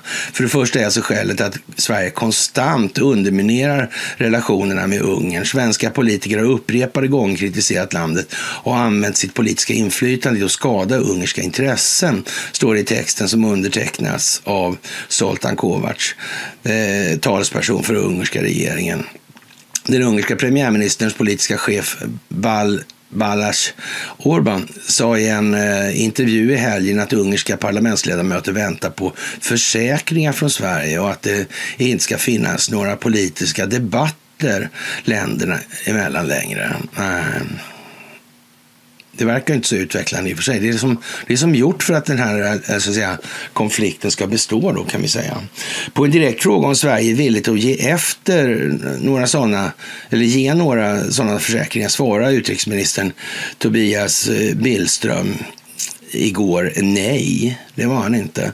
Ja, häpnadsväckande. Sverige har ingen överenskommelse med Ungern och, och tänker inte heller sluta någon sån, fortsatte fortsätter han. I texten från Zoltan Kovacs eh, lyfts bland annat eh, ett uttalande från Ulf Kristersson från 1921 där han har sagt att EU måste arbeta för att bryta utvecklingen i Ungern och sätta press på den ungerska regeringen. Även ett uttalande från EU-minister Jessica Rosvall, Moderaterna, lyfts fram där hon uppmanar EU att stoppa stoppa utbetalningarna till Ungern. I texten eh, länkar man även till uttalanden som gjort av EU-parlamentarikern Malin Björk, Vänsterpartiet, och skriver att de här klagomålen måste hanteras innan Sverige ans Sveriges ansökan blir ratificerad. Det kan ju ta tid alltså. Skäl nummer två är vad man vad som beskrivs vara en moralisk överlägsenhet från svensk sida. I texten lyfts uttalanden om att Ungern skulle vara antisemitisk eller ledas av eh, en förtryckande regim, men också koranbränningen tidigare år framför, Turki framför Turkiets ambassad. Och det här med antisemitiskt, hur var det i Israel nu? Var ju, eh, de höll ju, mm, Ungern höll ju med urbanisering. Alltså det var ju så det är andra sidan då i förhållande till det som är antisemiter. Det är de som här urbaniseringsmänniskorna som är antisemiter då alltså. Hur menar de här? Men det är ju de religiösa och, och högerextrem... Eh, ja, jättekonstigt ju. Ja. ja, märkligt. Mm. Verkar vara liksom av människan konstruerade kulisser här på något vis. Verkar, ja, de här ismerna verkar dölja en massa saker. Alltså. Det är som den här säcken med, med energiproduktion, elproduktionen där och, och produktionskostnaden och, och sen ledningen där så, och, och, en annan kostnad då i konsumentledet. Det är lite samma sak. Det, är massa, det händer en massa konstiga saker här. Det verkar vara med ord och kan det vara det där Orwell, Orwellska, Orwellska, det kan man ju säga. Mm. Orwellska. Rotvälska nästan. Här. Mm. Nyspråket där. Politiskt nyspråk. Mm, mm. Mm. Mm. Hur är det här egentligen med allting? Sitter det ihop? Ja, jag vet inte. Kanske, ja. Ja, väldigt, väldigt konstigt alltså. Ja. Att säga att koranbränningen var ett uttryck för yttrandefrihet var ett sätt att försöka dölja uppenbar rasism i en skepnad av moralisk överlägsenhet, säger man då här på ungerska hemsidan. Alltså tredje skälet beskriver bristen på respekt och att relationen mellan länderna försämrats över åren. När Värde Soltan tar upp eh, att premiärminister Viktor Orbán för några veckor sedan ställde sig positiv till Sveriges NATO-medlemskap och likaså utrikesministern Peter Ciarto. Eh, ja, Orban har uppmanat sina partikamrater i Fidesz att rösta ja. Däremot så ser vi ett behov av att rensa luften med Sverige för att gå vidare, säger Kovacs och, och lyfter att även Turkiet utsätts för, utsatts för nedsättande kommentarer de senaste åren. Men det verkar inte som de släpper sin illvilja just nu. Nej, kanske inte får, men vet. Det är vem är det som bestämmer egentligen här i landet? Mm, är det Kristersson det? Mm. Ja, det vet vi ju inte så noga. Det kanske är det. Ja. TT har sökt Tobias Billström. Under dagen kommenterade han det ungerska beskedet att ratificera Finland och, och, sa då att även Finland haft liknande kritik mot Ungern som Sverige.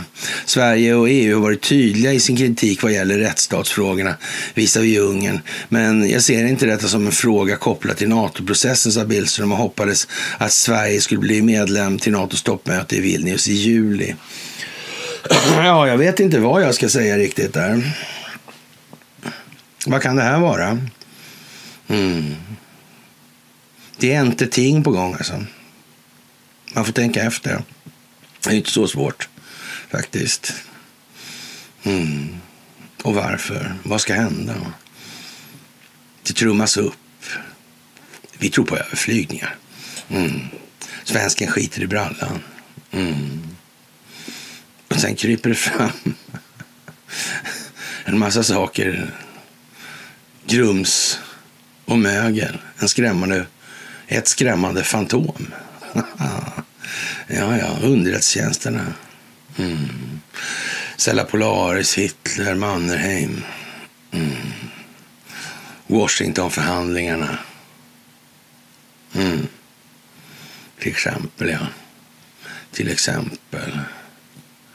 Hongkong Shanghai Banking Corporation, borgmästarens råd i Shanghai. Mm. Just ja, just ja, just ja. ja. Mm. Banker, ja. Mm. Credit Suisse, ja. Mm. UBS, Warburg Pincus. Statsoffentliga utredningar 1999 kolon 20 sidan. Ja. 194 till 197. Mm. Ja, man vet ju inte det där. Mycket märkligt. Eftertankens kranka blekhet, ja. Ja, ja vi får väl se.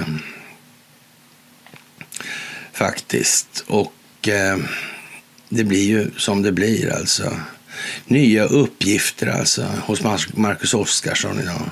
Då vill svenskarna pausa demokratin. Mm.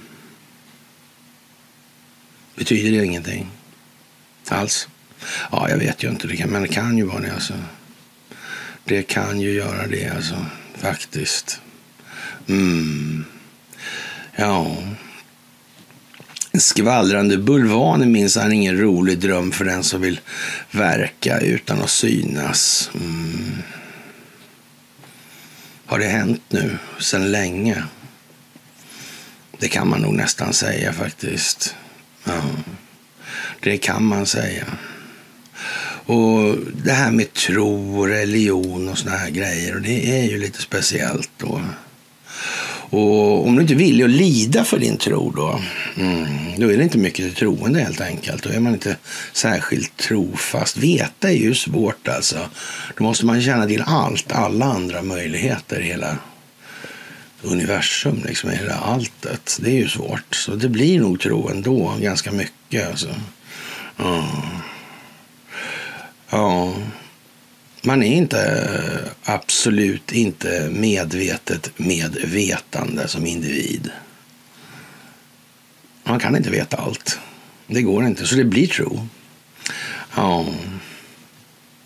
Ja, jag kan lägga till att uttalanden är faktiskt sant i förhållande till verkligheten oavsett vilka typer av föreställningar som vi pratar om i det här gällande. Då. Antingen har vi modet att stå fast vid vårt tro då, eller så har vi ju inte det modet. Och vi är ofullkomliga, så det är det det handlar om. Vilket är anledningen till att så många människor undviker de här frågorna. De vill inte ifrågasätta sig själva i någon nämnvärd utsträckning. Alltså. Och man vågar helt enkelt inte. Nej. Och det blir lite tjatigt då för den här kognitiva dissonansen som hackar på dörren där. Och, och att hålla fast vid sin tro på sin egen möjliga för, förbättring i filosofisk idealistiskt blåsväder är det avgörande testet, alltså inte av vår tro utan av oss själva. Ja, vår karaktär, helt eller karaktärslös, är ju ingen bra grej heller. Då, alltså. Äh, vågar du lida för att utvecklas? Vågar man det helt enkelt? Vill man inte det, man gör vad som helst för att slippa lida. Man ser inte det liksom som... De hade ju sån här stackel då på eh, de här prästerna. Va? Ja, så de drog åt då runt låret då. För att minnas att det gör ont. Det ska göra ont. Ja. Lite så kanske. Mm. Men det blev lite fel. När det var fel inriktning på det. Mm. Det går inte bara ont. Nej, det gör det inte. När helst du flyttar världen framåt på något sätt så kommer du få en motreaktion som skapar ett lidande i en värld som vår. En värld där eh, ja, man neurotiskt ägnar sig åt bevarande av filosofisk materialistisk status quo.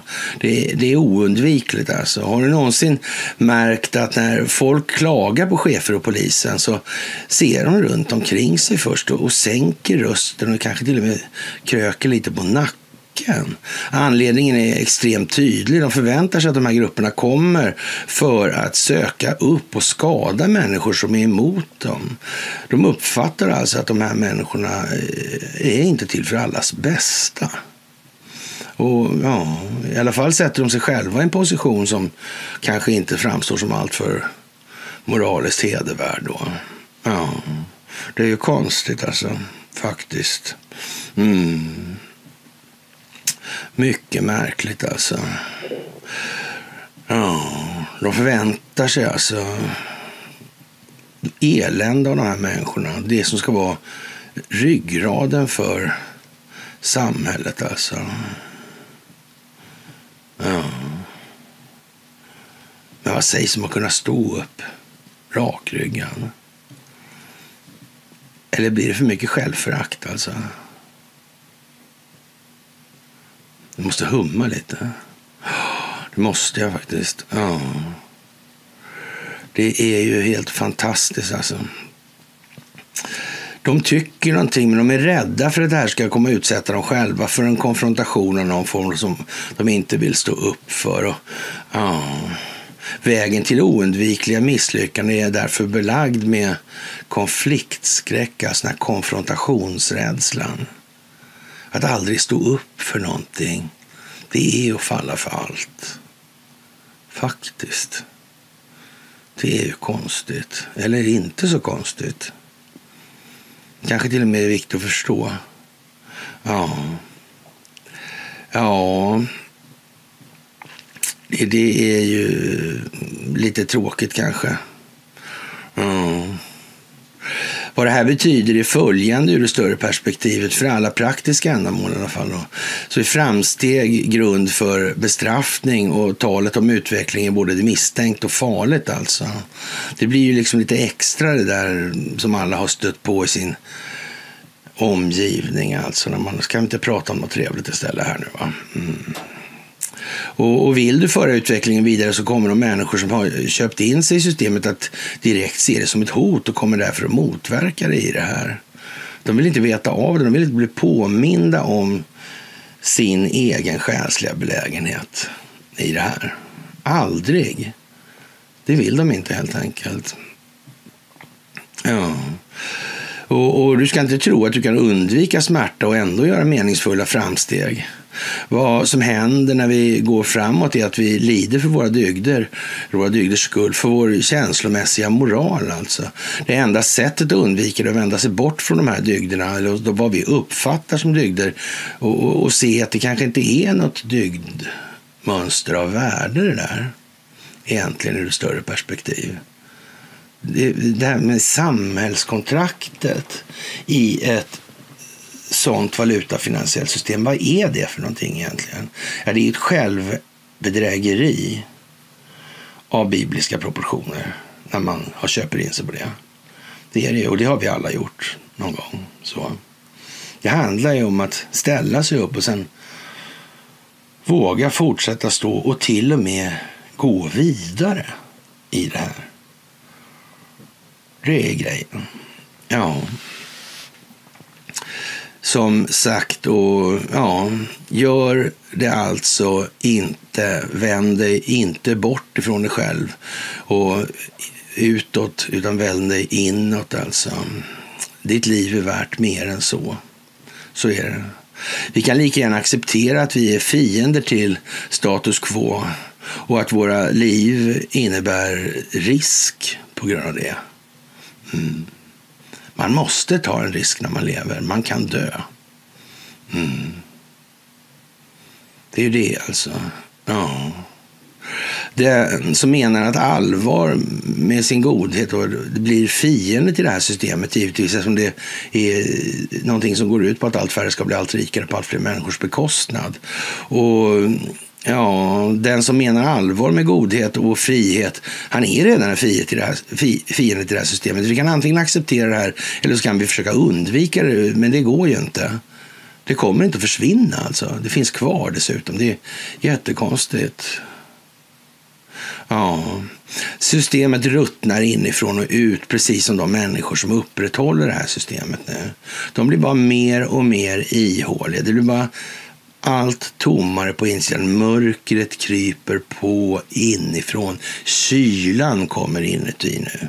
Det går inte att möta den växande kylan inuti med yttre stimuli eller intryck. Det går inte. Mm. Känslotomheten. Mm. Det är jävlar med sent i tidtabellen nu för att kliva på tåget. Mm. Faktiskt.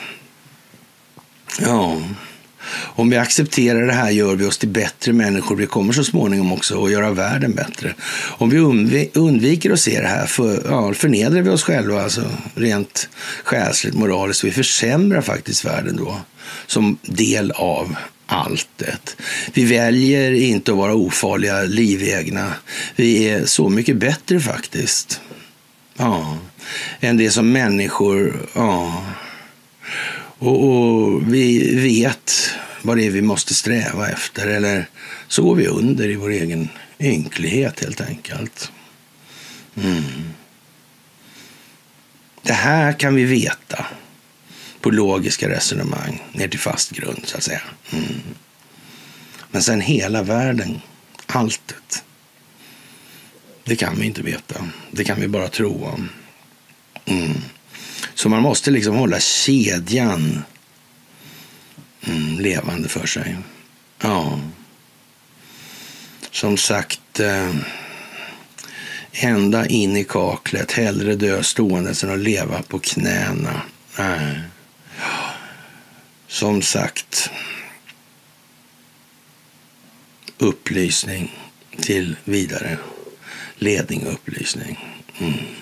Så är det. Sverige och Finland visar med all kraft att de är emot Ryssland, skriver Miljet. Och eh, det verkar otillräckligt för dem att söka sig till Nato. Tillsammans med Norge och Danmark bestämde de sig för att slå, sig samman, slå samman sina flygvapen och det skulle inte behöva Turkiets godkännande för den saken. Som om en lustig händelse alltså. Det, verkar ju, det var ju helt oväntat att det där kom nu. Ja, det, det var jättekonstigt alltså. Ja, Man stod alltså inför ett veto från Turkiet, alltså medan förhandlingarna om det undertecknades avtalet fortsatte mellan Ankara och Stockholm och Helsingfors utbröt skandaler efter varandra i den svenska huvudstaden i januari 23. Mm, Erdogans docka hängde framför Stockholms stadshus och Koranen brändes där, han Paludan, Paludan och ja, Turkiet fryste samt, eller frös samtalen. Och, Finland fick grönt ljus nu i mars. Och, ja, och de har den längsta gränsen med Ryssland. Mm. Ja, hur ska det bli med allt det här alltså? Ja, konstigt. Ja. Vi tog upp det förra gången det där med... Mm. Är inte det konstigt det här alltså? Att Sverige alltid hamnar liksom mitt i nu. Ja, i världspolitiken. Mm. Konstigt, konstigt, konstigt. Och Turkiet säger ingenting. Mm. Märkligt.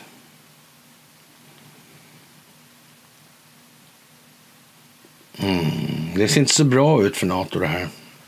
Det ser definitivt inte så bra ut för Sverige. Varför är Sverige liksom i centrum, i kärnan på allt det här hela tiden nu? Vad beror det på? Är det någon som har någon idé? Nej, inte jag heller faktiskt. Inte en enda. Nej. Faktiskt inte, nej.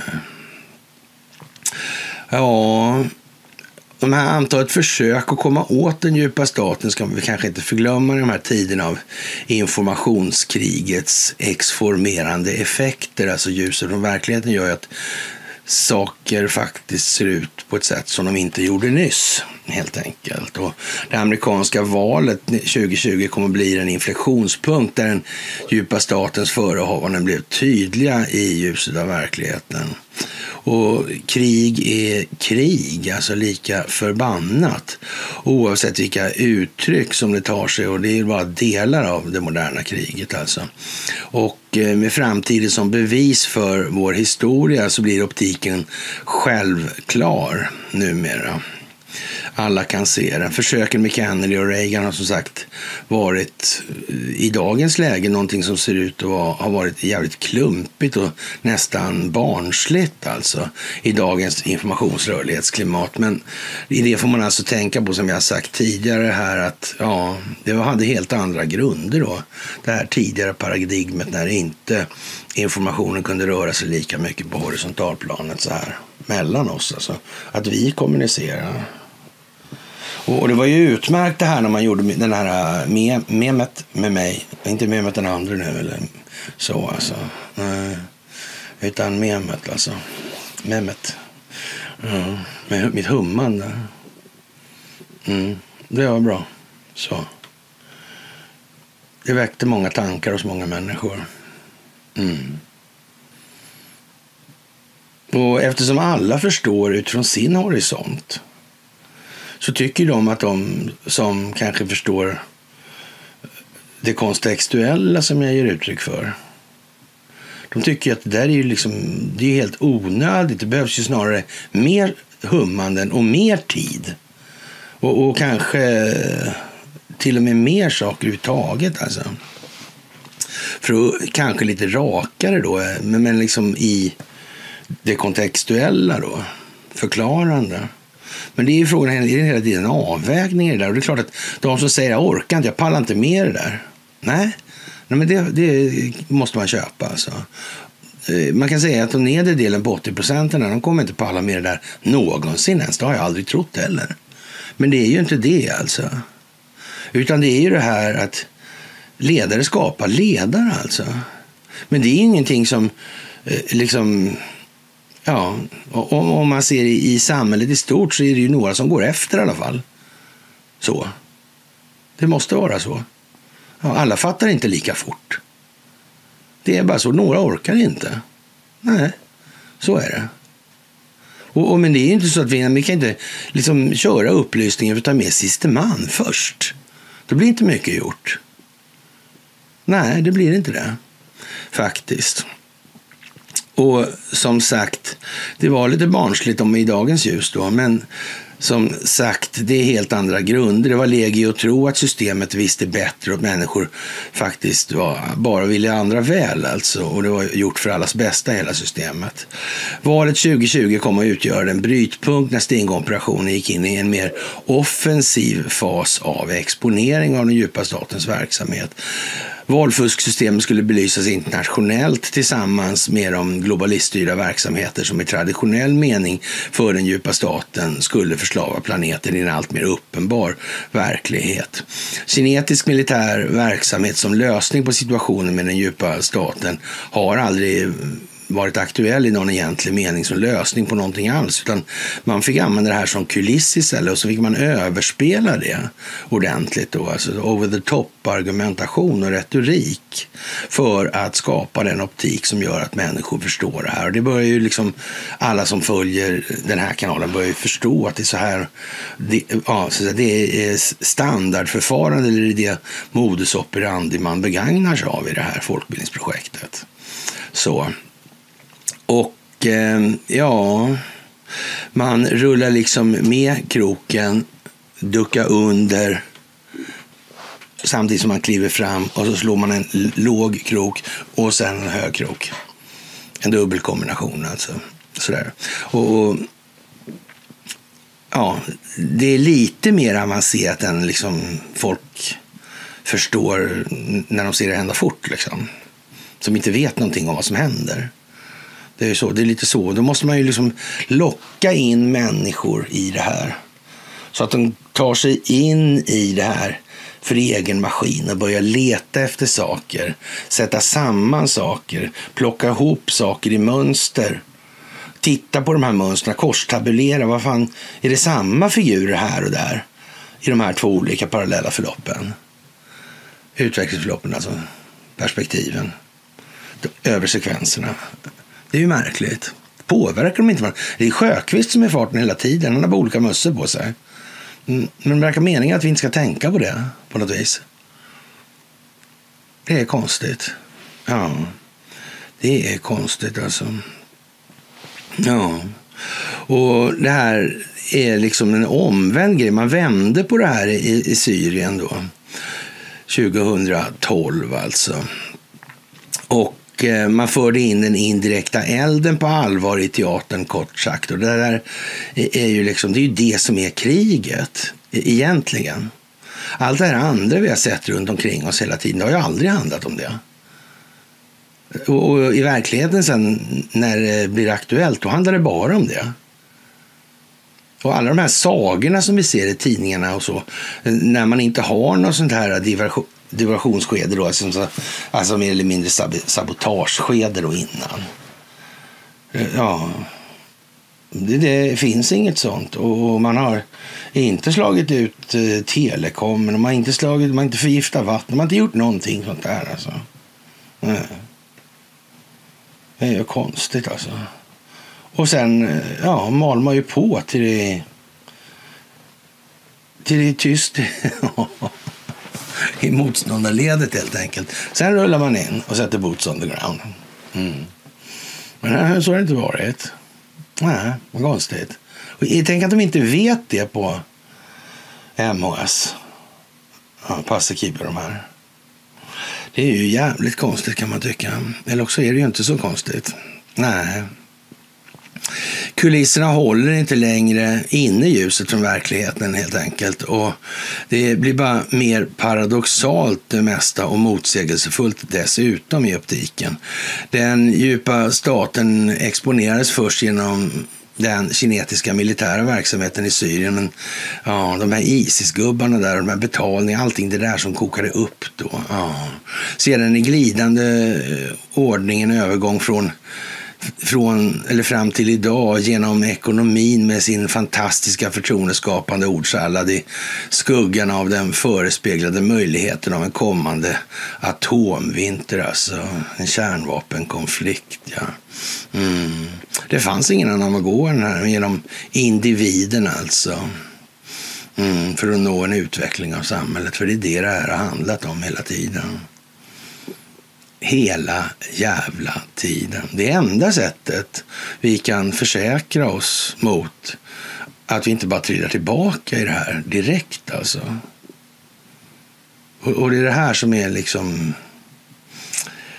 Ja, det är en bra bit att gå ur många perspektiv, det är det absolut. Alltså. Men å andra sidan då när vi börjar snacka om att ge bort det här då, eller vi behöver inte så mycket demokrati längre och samtidigt har vi skrivit på det här, vi kan be om hjälp nu och så. Vi har ju tagit ett beslut på det i regeringen. Mm.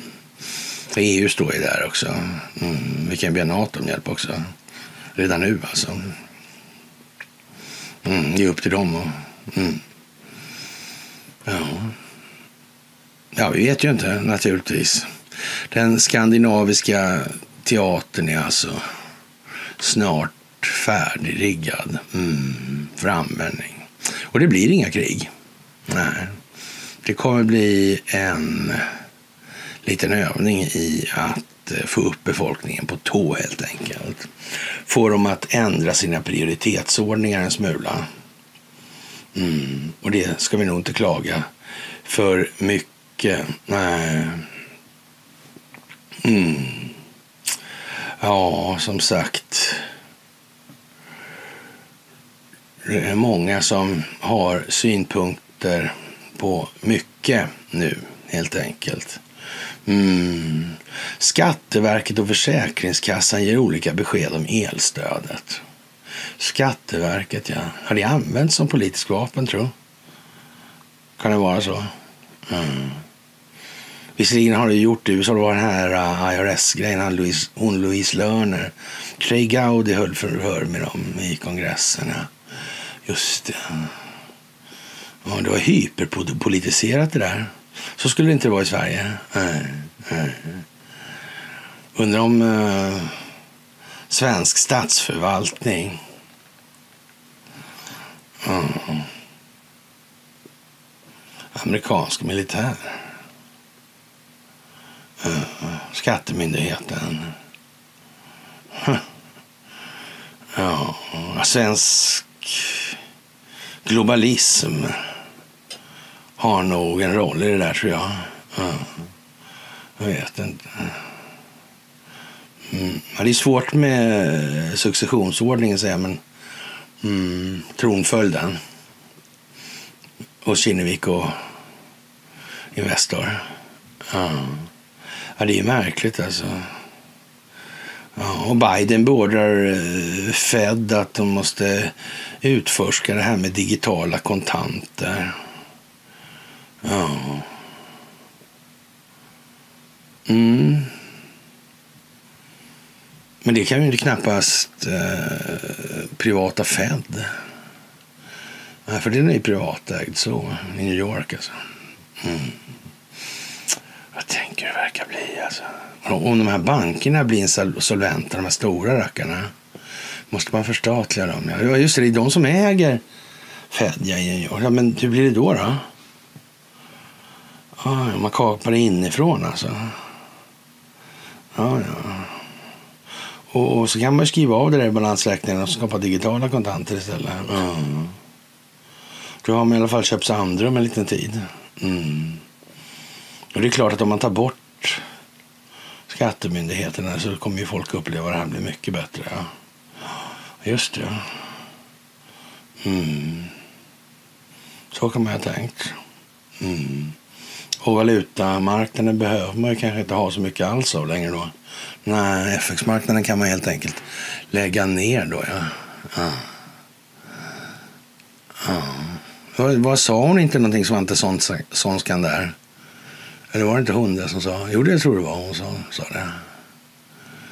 Mm. Eller var det Finansinspektionen kanske som sa att man... Uh, uh, det skulle inte göra som med Credit Suisse i alla fall. Mm. Utan aktieägarna eller... Jo, de skulle. De skulle ta smällen först. Ja, jag vet ju inte. Märkligt i alla fall. Ludinförsvaret gick bet på försökt avvisa åklagarens gärningsbeskrivning. Och ja, som sagt, det verkar ju som man inte fick då det här, den här gärningsbeskrivningen avvisad i tingsrätten. Och, ja, det kommer att ligga till grund för tingsrättens prövning i målet om medhjälp till folkrättsbrott i Sydsudan. Mm. Jag undrar hur mycket kopplingar det finns. Jag undrar hur mycket geofencing det finns och så vidare. Är det lite grann eller är det mycket? Det kan man ju fråga sig. Vad hände med dokumenten som hittades hos Trump i Mar-a-Lago? Varför blev det tyst? Varför hände ingenting? Vad var det innehållet i de här dokumenten? Är det någon som minns det? Uh. Uh. Ja, verkar konstigt. Det är jättemärkligt, tycker jag. Ja, och ja, svenska energibolag. Ja. ja, det är speciellt alltså. Ja, det får man ju säga. Och eftersom den djupa staten förlorar den här demokratikulissen nu så, ja, vad finns att göra för en stackars flicka egentligen? Det är ju desperation som gäller nu. Man får ta vad man har som Kajsa Warg sa och det är ju inte så mycket längre. Nej, nej, nu står väl i, med arslet ja, i vädret helt enkelt. Ja, faktiskt alltså. Och familjen Biden har problem nu, det är ju så. Det här med det amerikanska valet, det kommer att slå in här i Sverige häpnadsväckande nog som vi har sagt i det här. Och familjen Biden, ja, den delawareska kandidaten. Ja. ja. Konst. Kongressen ville ha eh, svar på massa frågor.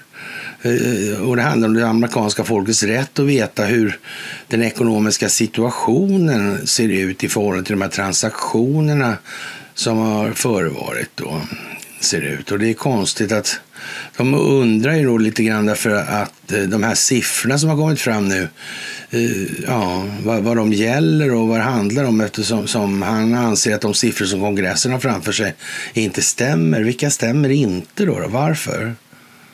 Vad är den andra siffran då som skulle vara egentligen? Och, och varför skulle det vara så? Mm. Så han sitter ju lite där han sitter nu helt enkelt. Det går inte att göra någonting åt i, i den meningen alltså.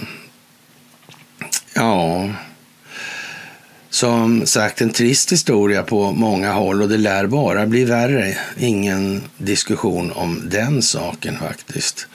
Och den här skattemyndigheten med 80 000 beväpnade agenter. Varför, varför kommer man på en sån grej egentligen? Ja, då skulle vara liksom enforcers då eller? Mm. Eller vänta här nu. Det måste nog utredas lite. Först det här med stänga skattemyndigheten kan man nog göra första veckan kanske. Det tror jag inte. Nej. Mm. Och så stänger Ryssland av Visa och Mastercard. Eller Mastercard och Visa stänger av i Ryssland. Mm. isolerar. Mm. Ja, det blir inte Ryssland som kommer tillfrågas om de ska hjälpa till med svensk statsförvaltning. Det tror inte jag. Nej. Men däremot så har vi ju eh, sedan länge eh, anfört en idé om att det skulle kunna vara så att man skulle kunna be ryssarna om hjälp att bli av med det där. Ja, och det kan ju de göra upp med. Jag tror de är kompisar faktiskt. Vladimir Putin och Donald Trump. Så skulle det kunna vara. Ja. Så skulle det kunna vara, ja. Mm. Jag tror de samarbetar. Jag tror det finns en bild där. Ja. Sådär. Ja. Ja, ja, det är klart konstigt alltså. Mm. Och de här påstådda... Det är så många som påstår så mycket nu, men det är, liksom, det är dåligt med underbyggnad. Och en del påstår ju ingenting, utan sitter liksom och håller sig ifrån de här händelseförloppen som faktiskt pågår runt omkring oss. Man kommenterar inte det med någon vidare analys i något som helst sammanhang. Nej, det gör inte jag heller, för jag sitter bara hummar och brumlar och, och sånt där. Liksom. Men, men i, i de mån som de, man uppfattar att jag ändå säger någonting sådär, så då är det ju annorlunda. Ja, precis. Ja. Mm. Just det. Och antifisarna då, hur är det med dem? Hur går det för, ja, vad heter han? Våg där. Mattias Våg heter inte, Micke Våg heter inte. Ja, ja, Mattias Våg. Hur går det för en sån lirare? Ja. Som Sven Borgman sa, jävla fin fysik. Jag sa inte, nej. nej, nej. Ja, ja, ja, ja. Mm. Ja, det där är ju lite speciellt alltså. Det är många människor som förväntar sig väldigt mycket. Väldigt, väldigt många människor som börjar förvänta sig att det här kommer att gå väldigt bra. De har tappat den här oron nu. Mm, rädslan försvinner mm, i ljuset av verkligheten. Man ser tingens ordning för vad den är. Hur är det med den här sagan om ringen? Ja, konstigt alltså. Mm. Hur är det med egennyttan? Hur resonerar den egentligen? Ja, den eh, resonerar egennyttigt. Hur skulle man göra om man var egennyttig? Det är det. Mm. Så resonerar den, ja. I grund och botten. Det är ju så. Mm. Ja, befolkningar vaknar till Enters hummande eftertanke. Ja, det är ju konstigt.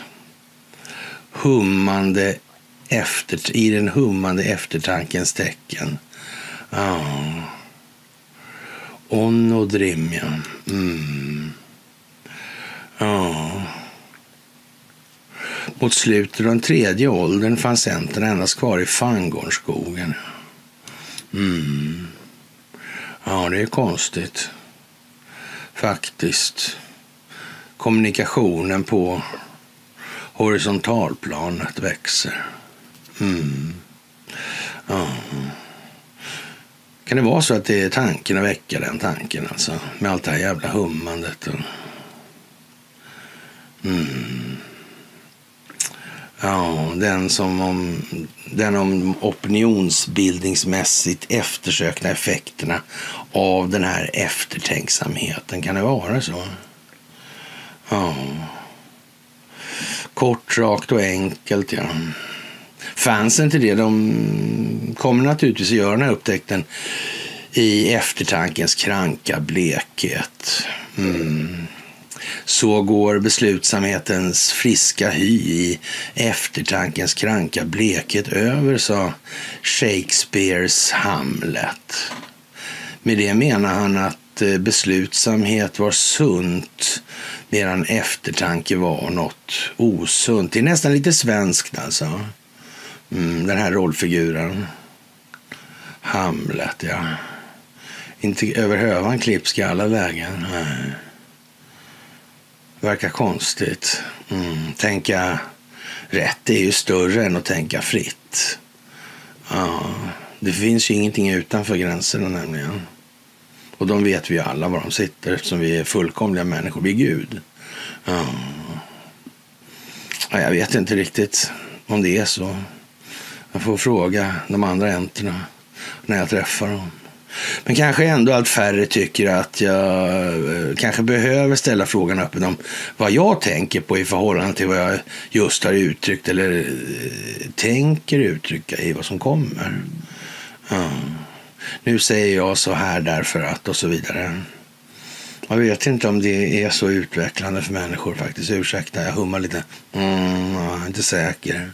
Äh, ja, sådär. Mm ful metod jag använder mig av i och för sig. Men ja, jag tycker ni är ett, eh, om jag säger som så, jag är lite blygt uttrycket då säger att det är ett hyfsat ja, exempel. Inget bättre i det här landet i alla fall, det är alldeles säkert. Det finns inget i närheten av det här i det här landet. Nej, det gör det ju inte. Nej. Hm. Ja, speciellt alltså. Tänk vad... Ja konstigt alltså. Kanske lösningen eh, ja, kallas för korstabulering då. Mm. Man måste själv komma på lite grann vad som var. Visst ja, det var de där ja. ja. Och så vidare. Kan det vara så? Eller var det det där? Ja. jag kommer ihåg mig själv i den där situationen. Jag tänkte så här. Mm. Jag minns mig själv. Mm. Jag minns vad jag var. Jag är inte det längre. Jag har förändrats. Ja. Vad är det som har förändrats? Varför? Varför, inte, varför blir jag inte glad för det där längre för? Vad är det som har ändrat sig? Är det fel på mig? Nej, det tror jag inte. Jag har utvecklats tror jag. Mm. Tack och lov, skulle man kunna säga. Ja. Som sagt alltså. Att, eh, ja korstablering är allt från betraktelse av självet till geopolitiken. Och är det här självklart för tillräckligt många nu? Eller behöver man inte? Det är många som skriver det. Eller det finns sådana kommentarer. Liksom. Det är bara självklarheter, saker man redan vet. Okej. Okay. Mm. Och de orkar inte lyssna längre. De har förstått precis allting som vi förstår. Och, och, det är väldigt sällan jag uttrycker någonting som, minst, som i alla fall inte har minst två kontextuella meningar. Av den anledningen att man ska vidga perspektiven. Det är så. Men, men man vet ju inte. Vi, vi kanske egentligen är 100% medvetna i den här befolkningen om allting. När man ser den typen av, så att säga, ja, självhatar-retorik alltså, eller vad jag ska kalla det för. Det är liksom lite masochistiska, alltså självplågarfasoner helt enkelt. Ja, ja det där vet inte jag alltså, om det är så jättehundra helt enkelt. Nej. Och det dunkelt sagda är det dunkelt tänkt är det dunkelt tänkt, har vi fått lära oss. Och, och då kan man ju säga så det säger samtidigt att det gör sig ju, gör sig ju obestridligt klart i alla fall att vi, vi ja, helst ska vi inte lära oss att förstå någonting av varandra. Och, ni, och så tar man och tittar lite på de där orden, väger dem fram och tillbaka, väger intonationer och sådär. Så får man ju se att det betyder flera saker och allihopa råkar vara sanna. Mm. Det är jättekonstigt det här och det vet man redan. Det man kan ju säga så här, man förstår att inte Sverige är så populärt på alla håll. Man förstår nästan inte att det kan vara populärt på något håll. Också kan man säga. Det där är ju inte särskilt trevligt liksom. Det är bara helt idiotiskt. Faktiskt alltså. Ja. Ja. Mm. Som sagt. Enterna, ja. Mm. Ja. Som sagt, enter-knappen kan man ju ta, tala om också. Ja. ja. Mm. Men det är trevligt många som uppskattar den här typen av eh, så att säga, frågeställningar och det är helt abstrakta tankegångar. Det går liksom inte att men är det inte det kanske som spelar en roll? Det abstrakta tänkandet har ju ett annat mer populärt namn. Det heter fantasi. Vad är det som utvecklar människan egentligen? Hur gör vi tekniska landvinningar? Och så vidare. och så vidare. Kreativitet, vad är det för någonting? Det kan man vara utan att ha fantasi. Jag vet inte, liksom språkvården har gjort en del saker med befolkningen och alla är inte smickrande alltså. För någon part. Nej, sådär alltså. Och som sagt, Moria ja. Mm. Man grävde så djupt så det sämsta i människan kom fram. Mm, Balrogen där. Mm. Just det, ja. Mm. fanns en, eh, ja religiös, tror jag det är. Mm. Historia i Istanbul där. Mm. Jag vet inte, sitter det här ihop tror jag. Och religionerna är ju märkliga de där. Är konstiga. Ja. Som sagt. Eh, ja, det är... Mm, många har eh, en resa framför sig. Så är det också. Mm. Och det är ingen idé att racka ner på det för mycket längre. Det är för sent. Det är för sent helt enkelt. Ja. Jaha, och Erdogan, ska han vara rädd för hot från Kiev alltså? Och eh, ett foto av Turkiets president Recep Tayyip Erdogan med den nya, ja, en drönare då, då Kysilema. Ja, och, och, den gjorde då Kiev-tjänstemännen upphetsade alltså. Ja. Mm. Jag vet inte. Hur, vad sa Erdogan om det där? Om konflikten där? Det var inte liksom riktigt aktuellt. Vad, vad tror man Zelensky säger när de inte får, får någon sån här fin drönare då? Mm. Konstigt alltså. Kan det vara planerat? Ja, det vet ju inte jag alltså, men äh, ja, känns som att Erdogan bestämde sig för 20 år sedan tycker den här Persson där. Det kan man kanske tänka sig. Ja, ja sinnets logik och hjärtats logik. Ja. Antoni Diamasi har vi pratat om den här känslan av att leva. Han har ett par till också som är rätt bra. Alltså.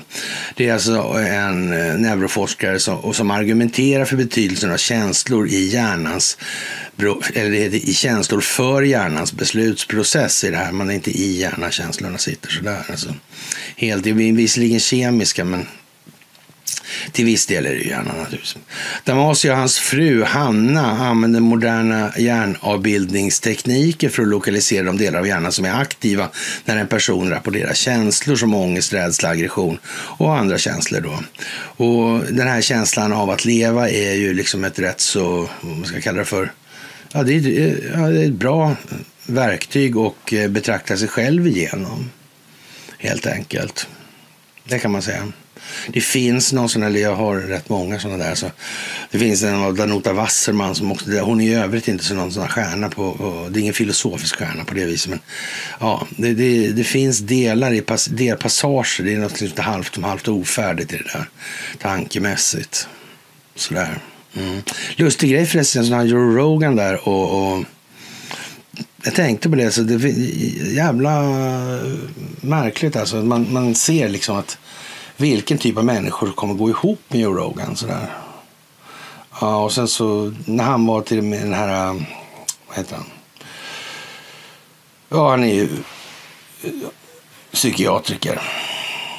Ja, alla. Han som var Skavlan där. Inte Jason, utan...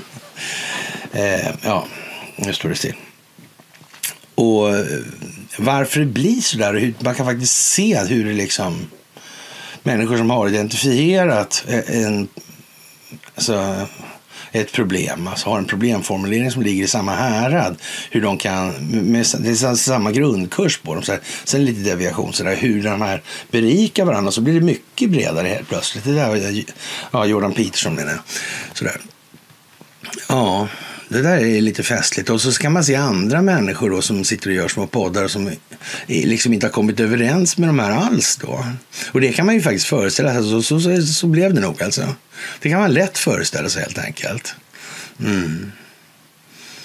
Men alltså det var inte sådär eh, jättebra när, när Peterson var hos Skavlan. Det skar sig lite. Det var lite gnissligt lite. Man kan ju tänka sig om Joe Rogan hade suttit hos Skavlan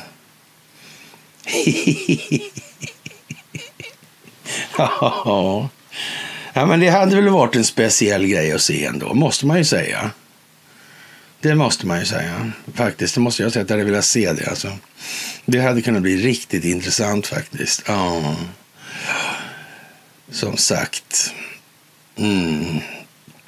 Men som sagt, det, borde ligga i allas intressen att nästa generation ska slippa skamkänslorna från det förflutna och att det som varit inte ska forma de nya generationerna av människor. Men för att göra det måste man ju så att säga stadfästa grunderna till orsakerna, orsak och verkan till situationers uppkomst i den meningen. Det måste man ju liksom göra då också. Det går inte bara liksom att säga att nu skiter vi i det där. Va? Och, och eh, sinnets logik, och, och, det vet inte jag. Eh, här, nu, nu blandas det lite friskt här på svenska då. Sådär. Och, och det här med sinnet alltså. Mm. Och, och eh, så känslor, känslor är som sagt mer kemiska, tankar är mer elektriska, går mycket snabbare. Det är därför tankar kan påverka känslor. Man kan tänka igenom en situation, man upplevde en känsla, men den eh, alltså, repeteras inte med automatik. Alltså, det går att förstå varför känslan uppkommer och det går att förstå varför känslans logiska grund i alla fall kan ifrågasättas om det är rimligt. Är det en rimlig grund det här? Eh, till den här känslan. Den, innebär det här och det här och det här. Ja, och det här. Jag har fått intrycket härifrån av den här situationen. Ja, och den här situationen då eh, ja, för med sig en massa saker och har med sig en massa saker implicit. Ja. Det där är liksom saker att fundera lite över nu. Inte så jävla lite heller för den svenska befolkningen. Som sagt, en del har ett jättejobb i den ändan. Det, det kommer inte vara samma värderingsgrunder på nästa så att säga, valuta, finansiella system. Det finns ingen möjlighet för det är ingen mekanisk hållbarhet. Aritmetiken gör det här dödsdömt direkt. Det kan vara så att man flaggar upp det här lite grann för att det inte ska bli för jävla gnissligt, alltså mycket friktion. Men, men eh, inom en inte alltför avlägsen framtid så kommer det här så att säga planas ut till med allt mer långsiktigt hållbara lösningar. Mm. Så är det också alltså. Mm. Och som sagt, det där med, ja, eh, ja, känslan av att leva är en sak, men så är det ju i alla fall, ibland är det ju så här man som författare verkar skriva lite för att sälja böcker också mellan varven. Så det är därför jag håller mig till ja, jag har flera böcker av men, sådär, men ja, vi kan väl säga så här att alla, alla är inte riktigt lika bra. Det är lite grann som han Carol Quigley där med ja, Tragedy and Hope. Det är en annan som står uppe bakom. Ja, vad var det nu heter, Civilizations, Rise and Fall of Civilizations heter den va? Så tror jag den heter. Mm. Så var det nog ja. Mm. Ja, ja. Världen är inte så binär. Den är inte svart eller vit. Den har grå nyanser däremellan. Ja. Att göra det användbara, att säga det modiga, att begrunda det vackra. Det är tillräckligt för en människas liv. Ja, kan man ju säga. Mm. Och Martin han håller på med Rymdstyrelsen. Hej vad det går alltså. Det är svårt med ansvarsfrågan där alltså. Det är ingen som vill vara ansvarig för något. Absolut inte, det är helt säkert. Det är helt säkert. Ja, det kan man säga. Får vi se om man gör något av det där, men det är faktiskt helt otroligt hur jävla... Alltså det, man, får, man får kan ju säga så här att Eh, det Martin gör i samband med det där, det, det är ju... Eh, ja, alltså resultatet är ju häpnadsväckande, men samtidigt så... Ja, helt otroligt alltså hur jävla tramsigt. Ja, de skyller på varann hela tiden. Det är inte visst de har ansvaret. Nej, det säger de då. Så, nej, det är de som har ansvaret. Och så håller det på sådär. Mm. Och, och, och, det är inte sådär liksom grejer som Ja, menar, skjuta upp raketer hit och dit med laster. Och, eh, är det ingen som är ansvarig för dem överhuvudtaget? Jag vet inte hur jag ska tolka det där. Alltså. Med eh, han uppmanar till piratkopiering av Hollywoodkultur. Och jag vet inte, liksom, det här med Hollywood, var inte det någonting som hade med något svenskt att göra? va? Var det inte så? Han Tacke Karlsson, va? Tacke Karlsson 1 var det va? Mm. Oliver Karlsson. Från Gotland. Hette, det var det ju. Ja, men arbetsnamnet Tacke Karlsson hade han. Och sen var den här familjen, de makarna Rosenberg också va? Atombombssmugglarna, eller hur var det? Ja visst ja, det var sånt där också. Ja, för annars Sovjetunionen måste ju ha en atombomb ja. Ja, det var ju så. Ja, konstigt alltså. Mm. Ja. Ja. Det där med... Ja. Kina och Ryssland, ja. Mm. De är inget hot, säger Donald Trump. Nej, han kan göra fred i Ukraina på ett dygn. Mm. En sak som är obegriplig alltså. Om det nu är så att han utgör ett sånt hot mot den djupa staten. Mm. Och han är ändå så jävla dålig och värdelös och allting. Varför ger de en, inte bara mandat att åka och göra det här nu då? Åk och fixa det här, åk och gör fred. Ja, och eftersom de säger att det där, de har inte gjort det där på det sättet. Nej. Vad har de att förlora på det? Ja, det som han säger naturligtvis, det är ju inte bra alltså. Att han åker dit och gör fred och sen så ja, blir det fred. Mm. Ja. Då blir det ju dåligt, det kan man säga. Det kan man säga. Ja, och eh, det här med kongressen alltså och, och expulsionen.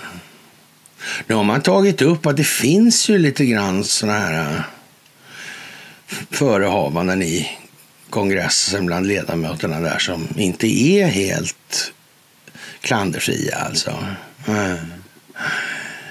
Men det verkar inte ha hänt något ändå. Men nu ska man säga att om det finns statuter eller regleringar för att bli av med dem i form av sådana explosionsklausuler och så vidare.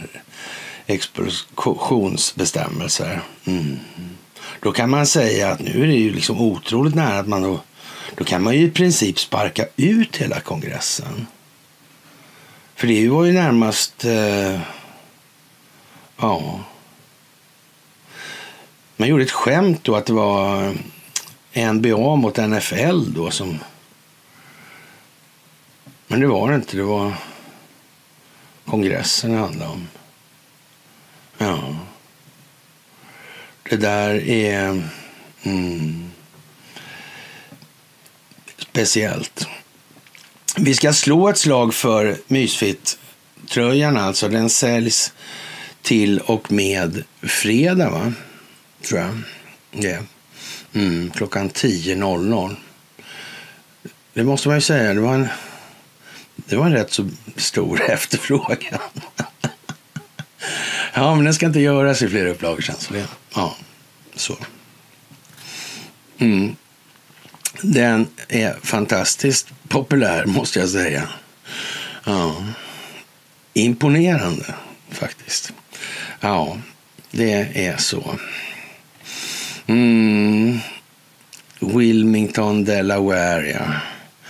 ja. Vapentillverkaren hatar fred och medierna hatar sanningen och läkemedelsföretagen han hatar hälsan och, och politiker hatar oss. Ja. Kim.com tycker det. Det kan man ju säga.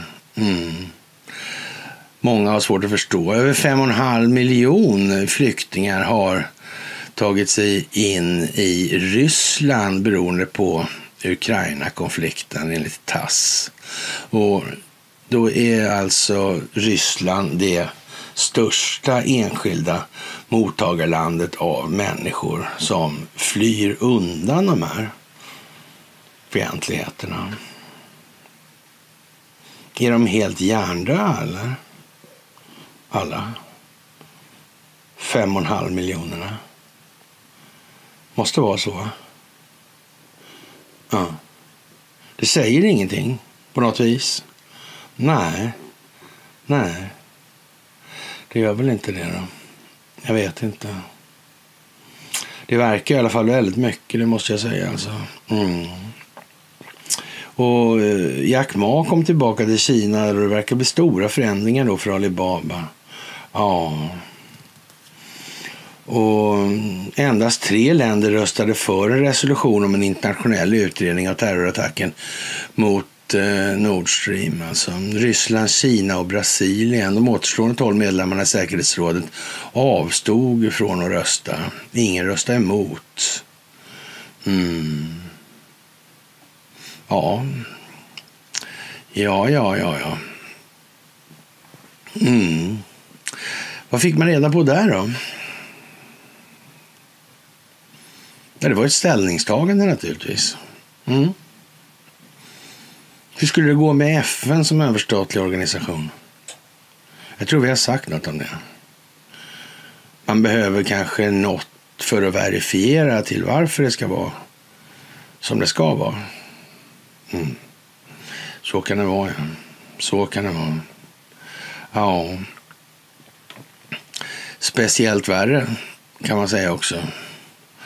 Och ja, Sverige sitter där det sitter nu alltså. Mm. Och det blir väl inte så bra kanske, får man säga. Sanna Marin ska lära sig svenska.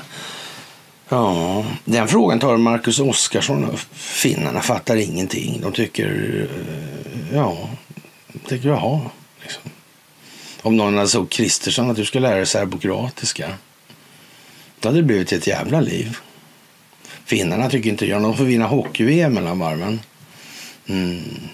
Finlands sak är vår sak, det vill säga Finland är vår sak. Mm. Hur länge har det varit så? Det har varit länge. Mm. Men det verkar inte bry, finnarna bry, bry sig så jättemycket. De får som sagt vinna hockey-VM mellan varven. Det är viktigt. Ja.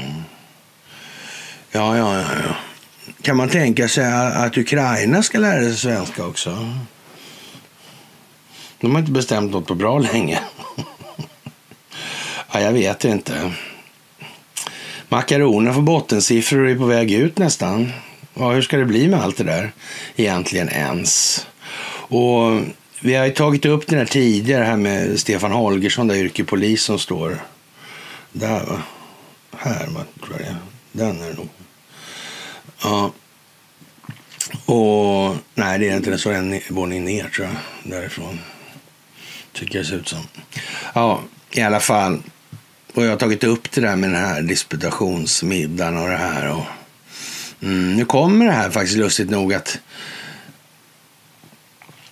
Ja, det går lite tjurigt alltså.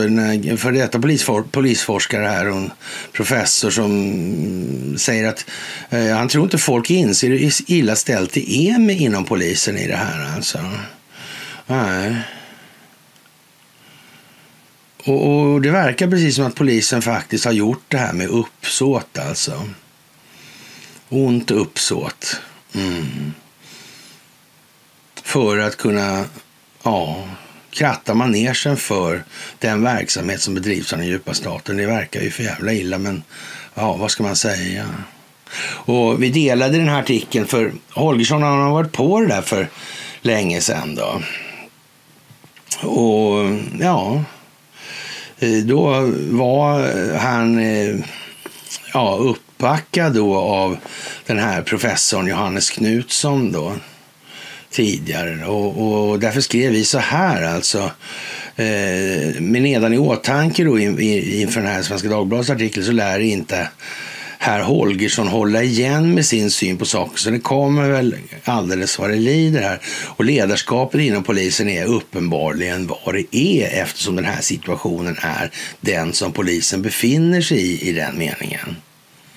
Det är ju inte här att den här situationen uppstår eller är den som gäller nu. Det beror ju inte på att liksom det naturliga ledarskapet har varit sådär jättebra då, om vi säger. Nej, det lämnar en del övrigt att önska naturligtvis. Ja, och kåranda och sådana här grejer, det har liksom... Ja, man får nog säga så här att alldeles stund som polisens altruism har lämnat lokalerna, så då är det som det är med den här verksamheten. Mm. Det kan man ju säga. Faktiskt. Och som sagt, Alibaba ska splittras i sex delar, men det är ju liksom, ja. Razzia mot fem banker i Frankrike, det, det, är ju lite speciellt kanske, det är inte vilka som helst alltså, utan det är Société Générale och fyra andra banker, varav en är rätt så speciell skulle man väl kunna säga, och det är naturligtvis den gamla vanliga HSBC, knarkbanken, sen är det BNB Paribas och eh, Natixis.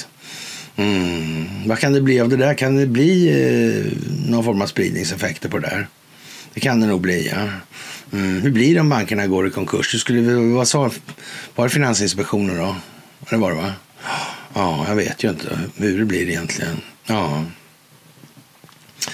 Och eh, I Dagens Nyheter går man ut med att konspirationer och krig på Dramaten under hösten. Och tänka sig, tänka sig, säger vi då, kan det här möjligen varit planerat väldigt länge? I, i typ flera år alltså. Aha. En nyskriven pjäs om konspirationer. Författaren Han, ja, Hans Han Kangs Vegetarianen hela Europas 1900-tal summerat. Ja. Ja, på hundra minuter. Hösten på Dramaten är färgad av krig och konflikt. Ja. Nutida drama blir det nyskriva konspiration av Erik Uddenberg som Susanne Osten regisserar. Det är en berättelse om Sverige med fokus på tre olika epoker. Ja. Mm.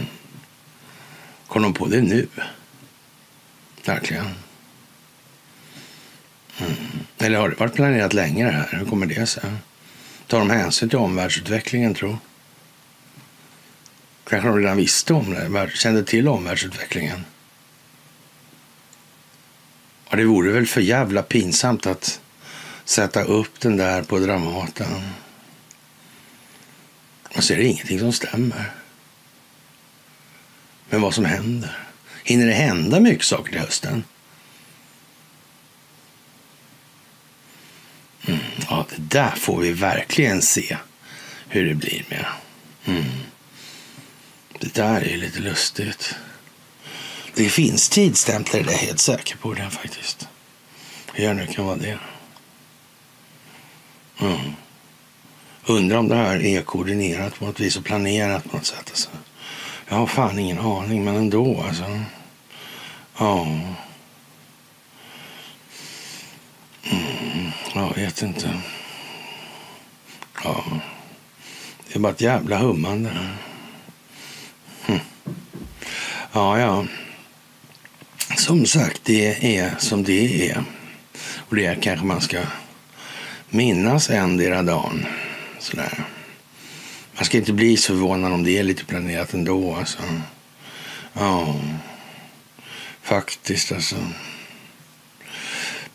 Trump är vän med Putin och det hot som utspelar sig. Det ja, att människor ska sätta press på sina regeringar vill man åstadkomma nu. Och för att få media att hjälpa till nu i det här. Mm. Och det blir inget kärnvapenkrig, nej. Som sagt. Ja. ja. Upplysning är ju vad det är där alltså. Ja. Mm. Och det gäller ju att ha vitt på perspektivet alltså. Man ska helst inte se ut som Leif GW överhuvudtaget alltså. Det där är inte så bra alltså. Eh, och sen sitta och orera om det ena än det andra alltså. Det blir tokigt alltså. Folk undrar. Alltså. Det är självskadebeteende mitt i alltihopa. Liksom. Kom igen nu alltså. Ja. Jag vet inte. Som sagt, det är mycket som står för dörren. Och vi får väl höja blicken här och, och ta liksom större frågor i beaktande faktiskt. Och Ja, när PKK tilldelas medaljer av Frankrike så måste ju Turkiet bli fantastiskt glada och känna en enorm offervilja för Frankrikes skull och sak. Mm. Det verkar som att det knakar i EU. Det knakar i NATO, det knakar i Israel, det knakar i Ja, alla möjliga saker. Bankerna. Kan det vara planerat? Jag vet inte. Det kan vara planerat. Det kan faktiskt det. Det ska jag väl säga, som sagt. Och Riksrevisionen sågar som sagt polisens användning av särskilda händelser. Det verkar vara gjort med flit allt det där. Alltså. Man har gjort polisen, polisen så dåligt som möjligt med uppsåt alltså. Mm. ja. Det verkar vara som att Holgersson har kommunicerat med den här ledarskapsutvecklaren på Riksåklagarämbetet. Ja. Ledarskapsutvecklingen alltså. Ledarskapet på Rikspolisstyrelsen. Ja. Självet som ögonblicksbild av själen över tid. Ja, vi kan bara minnas oss själva i ögonblicket. Vi kan aldrig minnas dynamiken, förändringen. Vi kan bara minnas den upplevda känslan och den blir i ett givet ögonblick då också. Mm.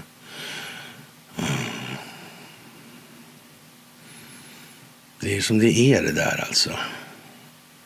Är de byxade de där alltså? Ja, ja, vad ska man säga? Man får humma lite till alltså. Det är väl det helt enkelt. Ja. Och den här historien med den här Bojan-dojan då. då. Ja. Och, och kapten Janne där. Jag vet inte. I världens mest riggade fotbollsland alltså. ja, ja, det är fantastiskt. Fantastiskt alltså. Det är bara så. Ja, kära vänner, med det så får vi väl anse att piglördagen är avklarad i den här delen och eh, vi hörs naturligtvis senast på fredag. Och sen får jag önska er en trevlig, en fantastiskt trevlig piglördagskväll i vårsolens glans. Vi syns på fredag. Välkomna Trögfattarföreningens årsmöte. Jag är glad att vi är så många. Det är viktigt för oss trögfattade. Det måste helt enkelt vara på det viset att det finns ett samband mellan att vara trögfattad och högt utbildad ekonom.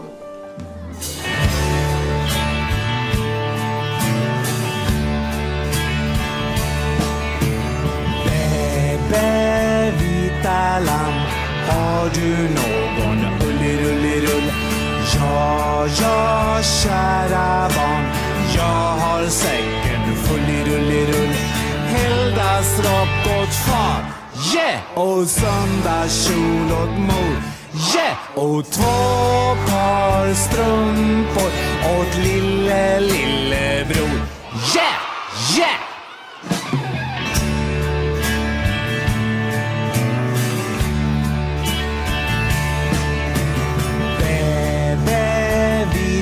Lamm, har du någon ullerullerull? Ja, ja, kära barn, jag har säcken full... Förstår ni? Fattar ni?